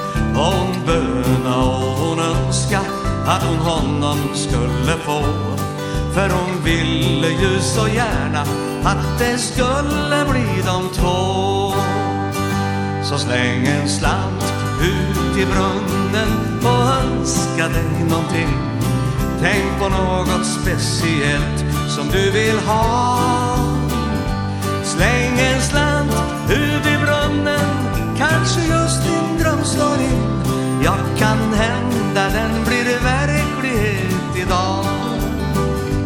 Lilla Anna står vid brunnen Tittar ner på slanten sin. Då hon plötsligt hör någon ropa Säg var finns du flicka min? Och hon tittar bortåt vägen Där står pojken hon vill ha. Hennes dröm har blivit verklig Och hon känner sig så glad. Så släng en slant ut i brunnen Och önska dig någonting. Tänk på något speciellt som du vill ha. Släng en slant ut i brunnen Kanske just din dröm slår in. Jag kan ända den blir verklighet idag ensam ut i brunnen och önskar dig någonting. Tänk på något speciellt som du vill ha. Släng en slant ut i brunnen Kanske just din dröm slår in. Jag kan hända den blir verklighet Idag.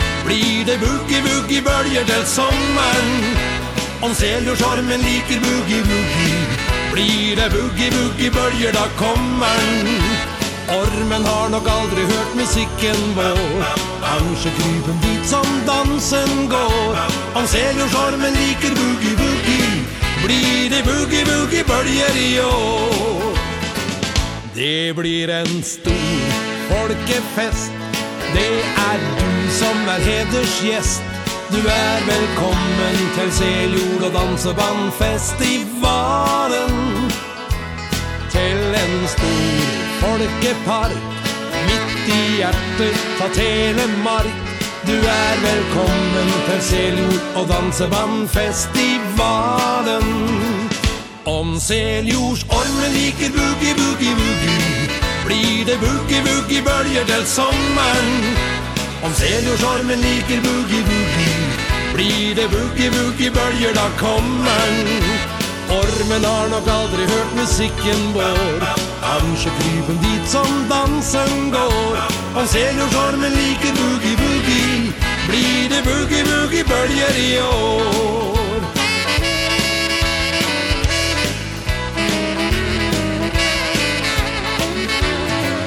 Så nå har vi gitt beskjed. Till den som ønsker å vara med.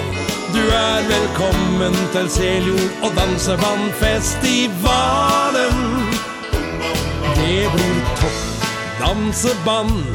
Ta de beste i Norges land.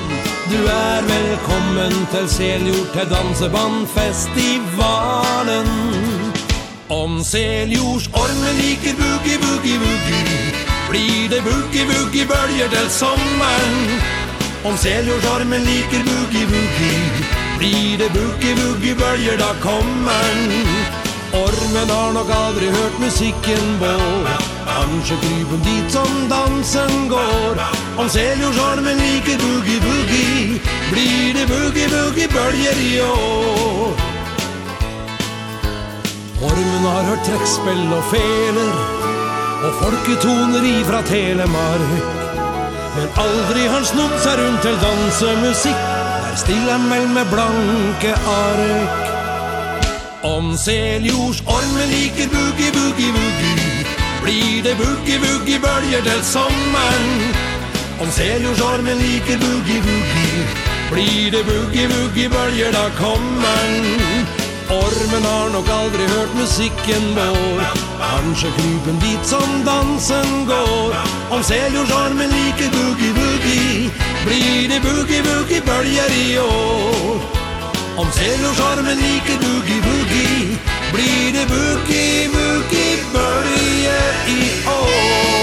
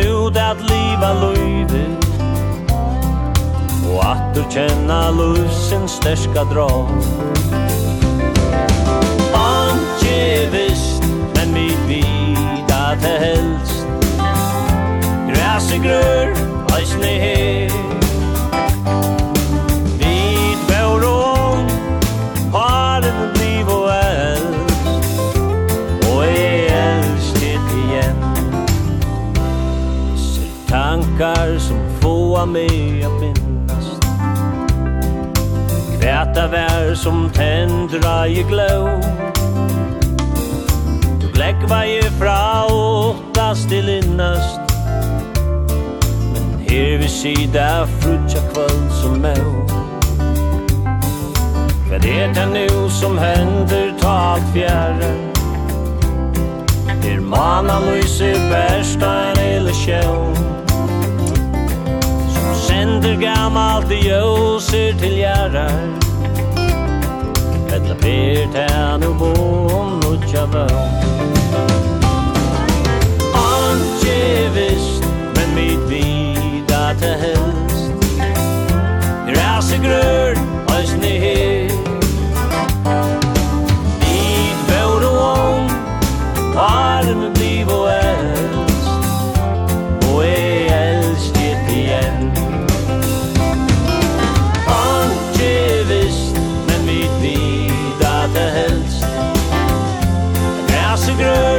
eisne her Tid vår og om Bare bliv og elst. Og jeg elsket igjen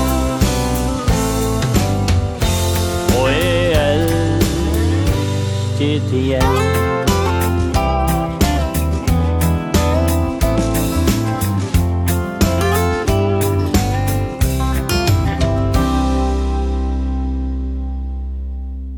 på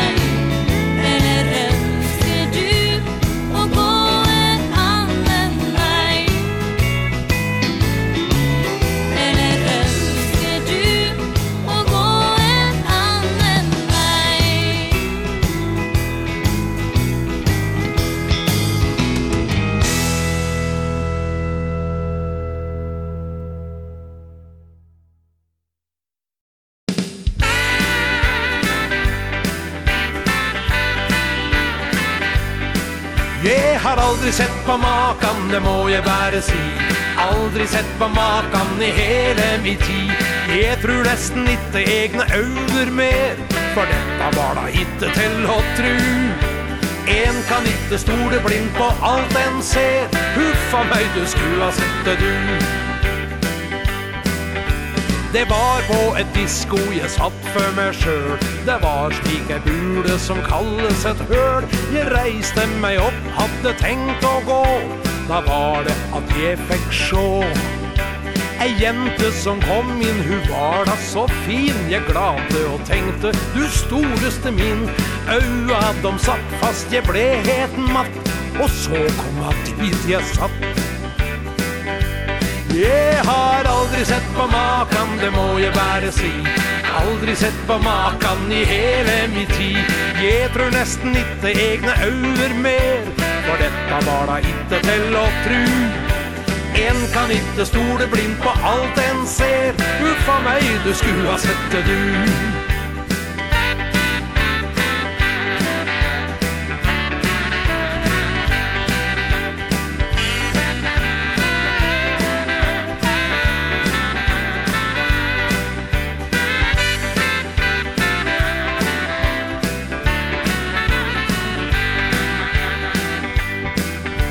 Vi prata og tok oss en drink eller to.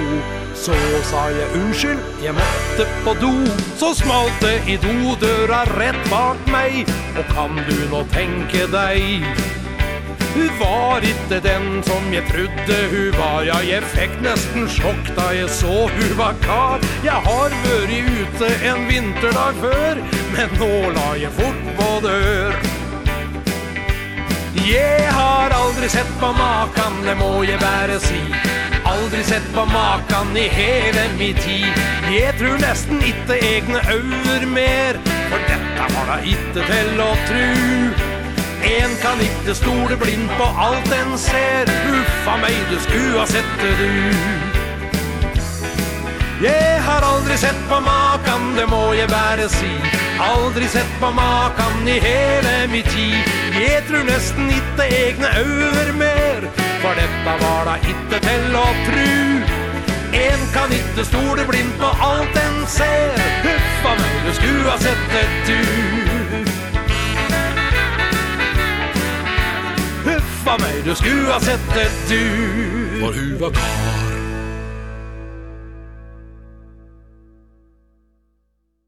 You're my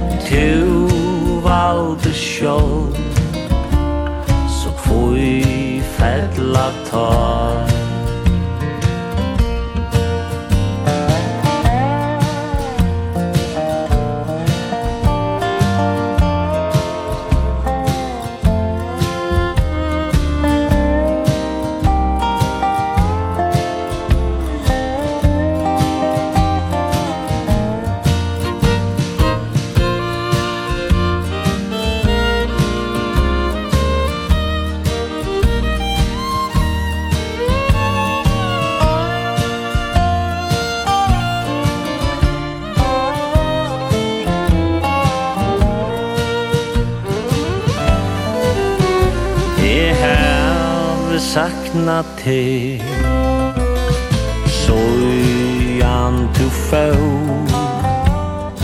Ein semen uivur Og sorgen hon stau. Men gaua brått ei fana. Minner om oi jar Tu valde sjål ella tar Men gaua brott ei fana Minner om ui jan Tu valde sjål Så kvui fedla tar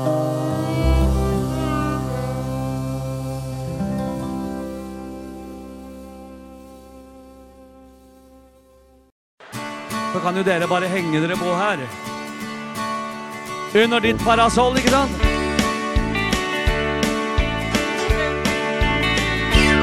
Under ditt parasoll spelar mig ingen roll Vart i världen vi oss vänder Och det kan ej jämt står Nej, den kommer och går Lycklig blir den som dig får.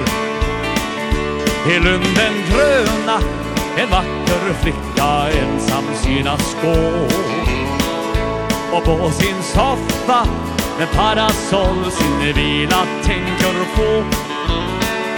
Mitt hjärtas slag ökar takten Tankar kom och tankar går. Att om en plats bredvid dig jag kunde få på den farten För under ditt parasoll spelar mig ingen roll. Vart i världen vi oss vänder. Och lyckan nej, Kent står Nej, den kommer och går. Lycklig den som dig får. En dag i Alvrum Jag stod och allt för mig Fick skoj mål.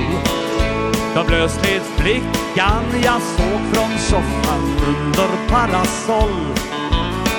Mitt hjärtas slag ökar takten Tankar kom och tankar går. En röst där inne, den säger liksom så. Sing med! För under ditt parasoll spelar mig ingen roll. Vart i världen vi oss vänder Och lyckan nej, jämt består Nej, den kommer och går.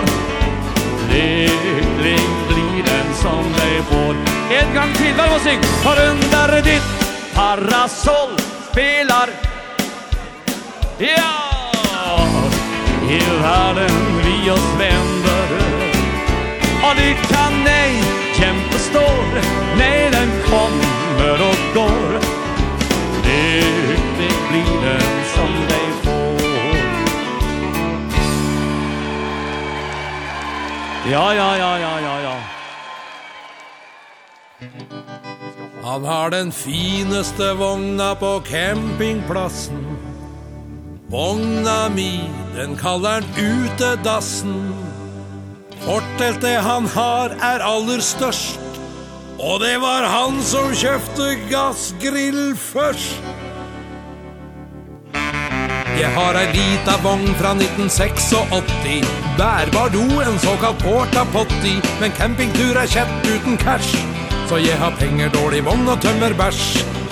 Ja, campingtur er kjett uten cash. Så jeg har penger, dårlig vogn og tømmer bæsj. Han har det dyreste, feteste partyteltet Og største plattingen på hele feltet. Men aldri er det noen andre der For han bærer skryt og er så svær. Jeg har en lita vogn fra 1986 Men den vogna mi har jeg det godt i. Jeg har venner, brennevin og køl Når vi griller sitter kongen for seg sjøl. Jeg har venner, brennevin og køl Når vi griller sitter kongen for seg sjøl. Kongen av campingplassen har en helt vanlig jobb. Penga han brukar eieren ingen ta. Han låner allt för att vara snobb Kongen av campingplassen Han gör allt för att vara kar. Störst platting, störst vång, störst gäll, störst kjæring Det er allt kongen har.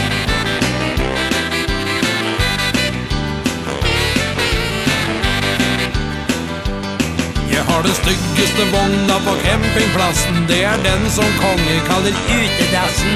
Men han må da bare gjøre narr. Jeg tror jeg har det bedre enn han har. Han drekta fine flasker han har kjøpt på krita Så han og kjæringa blir like drita. Spriten min er uten toll og tull. Da smaker det litt bedre og blir full. Spriten min er uten toll og tull. Da smaker det litt bedre og blir full. Kongen av campingplassen har en helt vanlig jobb. Penga han brukar eieren ingen ta. Han låner allt för att vara snobb Kongen av campingplassen Han gör allt för att vara kar. Störst platting, störst vogn, störst gjeld, störst kärring Det är allt kongen har. I år han köpt tabbert, i fjol hade han kipp. Og Volvoen han kjørte han bytta til jipp Men kjæringa, hun er det samme gamle. Det fete boller under kjæringskramle Kongen av campingplassen har en helt vanlig jobb. Penga han bruker eieren, ingen ta. Han låner alt for å vara snopp Kongen av campingplatsen, han gjør alt for å vara kar størst, platting størst, vogn størst, gjeld størst, kjæring Det er alt kongen har. Størst, platting størst, vogn størst, gjeld størst, kjæring Det er alt kongen har.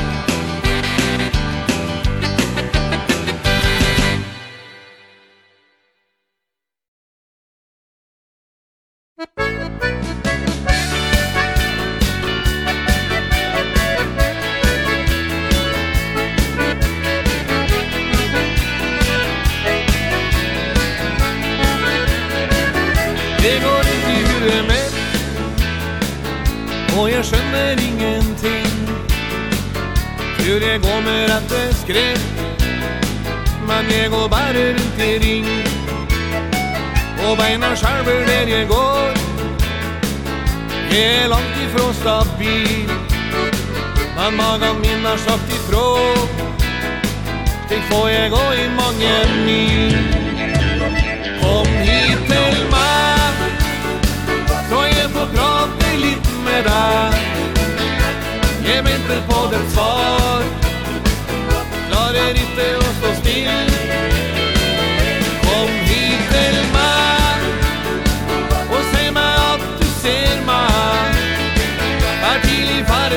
batteri Ja, men jeg håper at du vil Det går i skog, det går i regn Går i bygda og i byen Men ikke kan kurere meg For du er støtt så bli og fin Det snurrer rundt i huet mitt Det er full bære slik det er Da jeg først har kommet på Du er det närmaste jeg ser. Kom hit till mig Så jag får prata lite med dig Ge mig på ditt svar.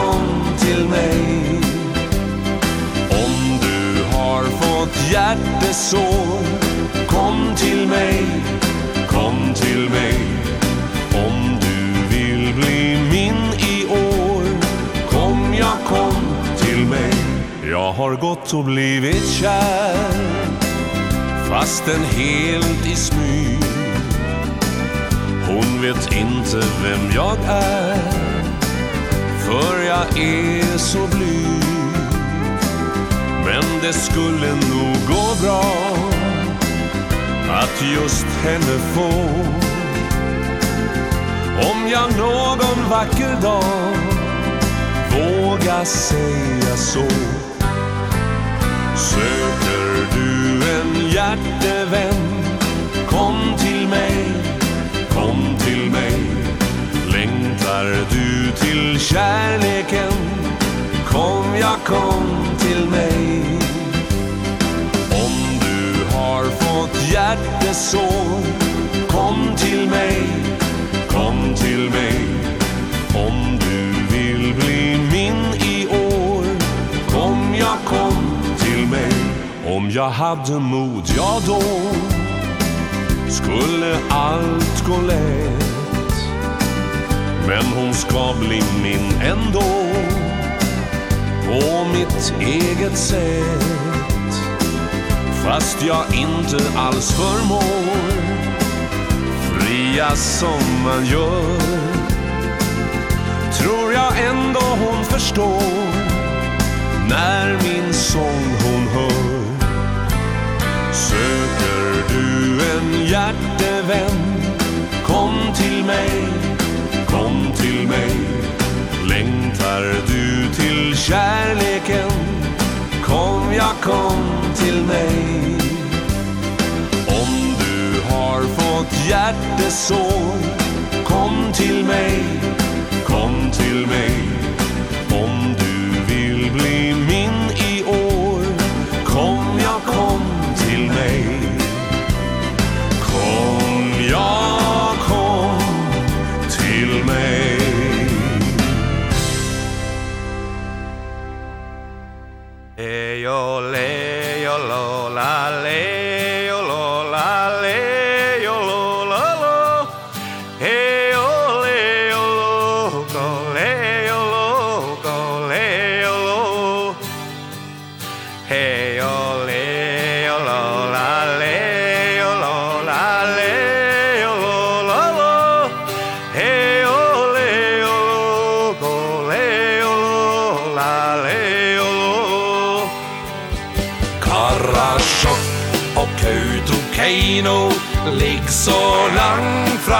Rösa strand Som jeg lengte dit Jeg lengte dit Jeg lengte dit.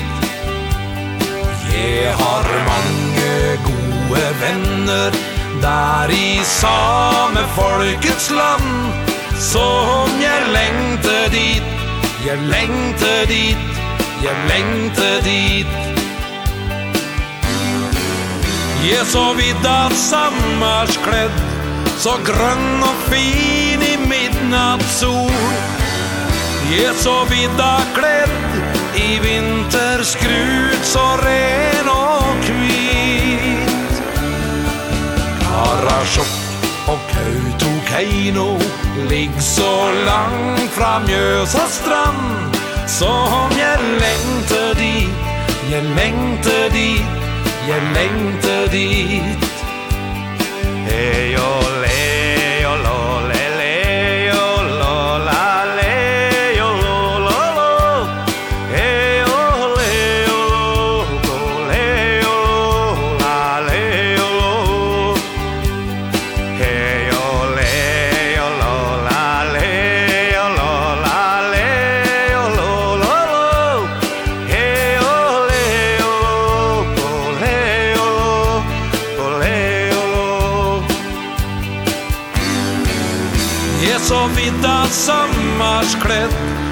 grønn og fin i midnattssol Jeg så vidda kledd i vinterskrut så ren og kvi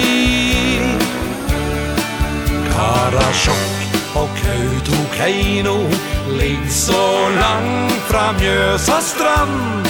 Som jeg lengte dit, jeg lengte dit, jeg lengte dit.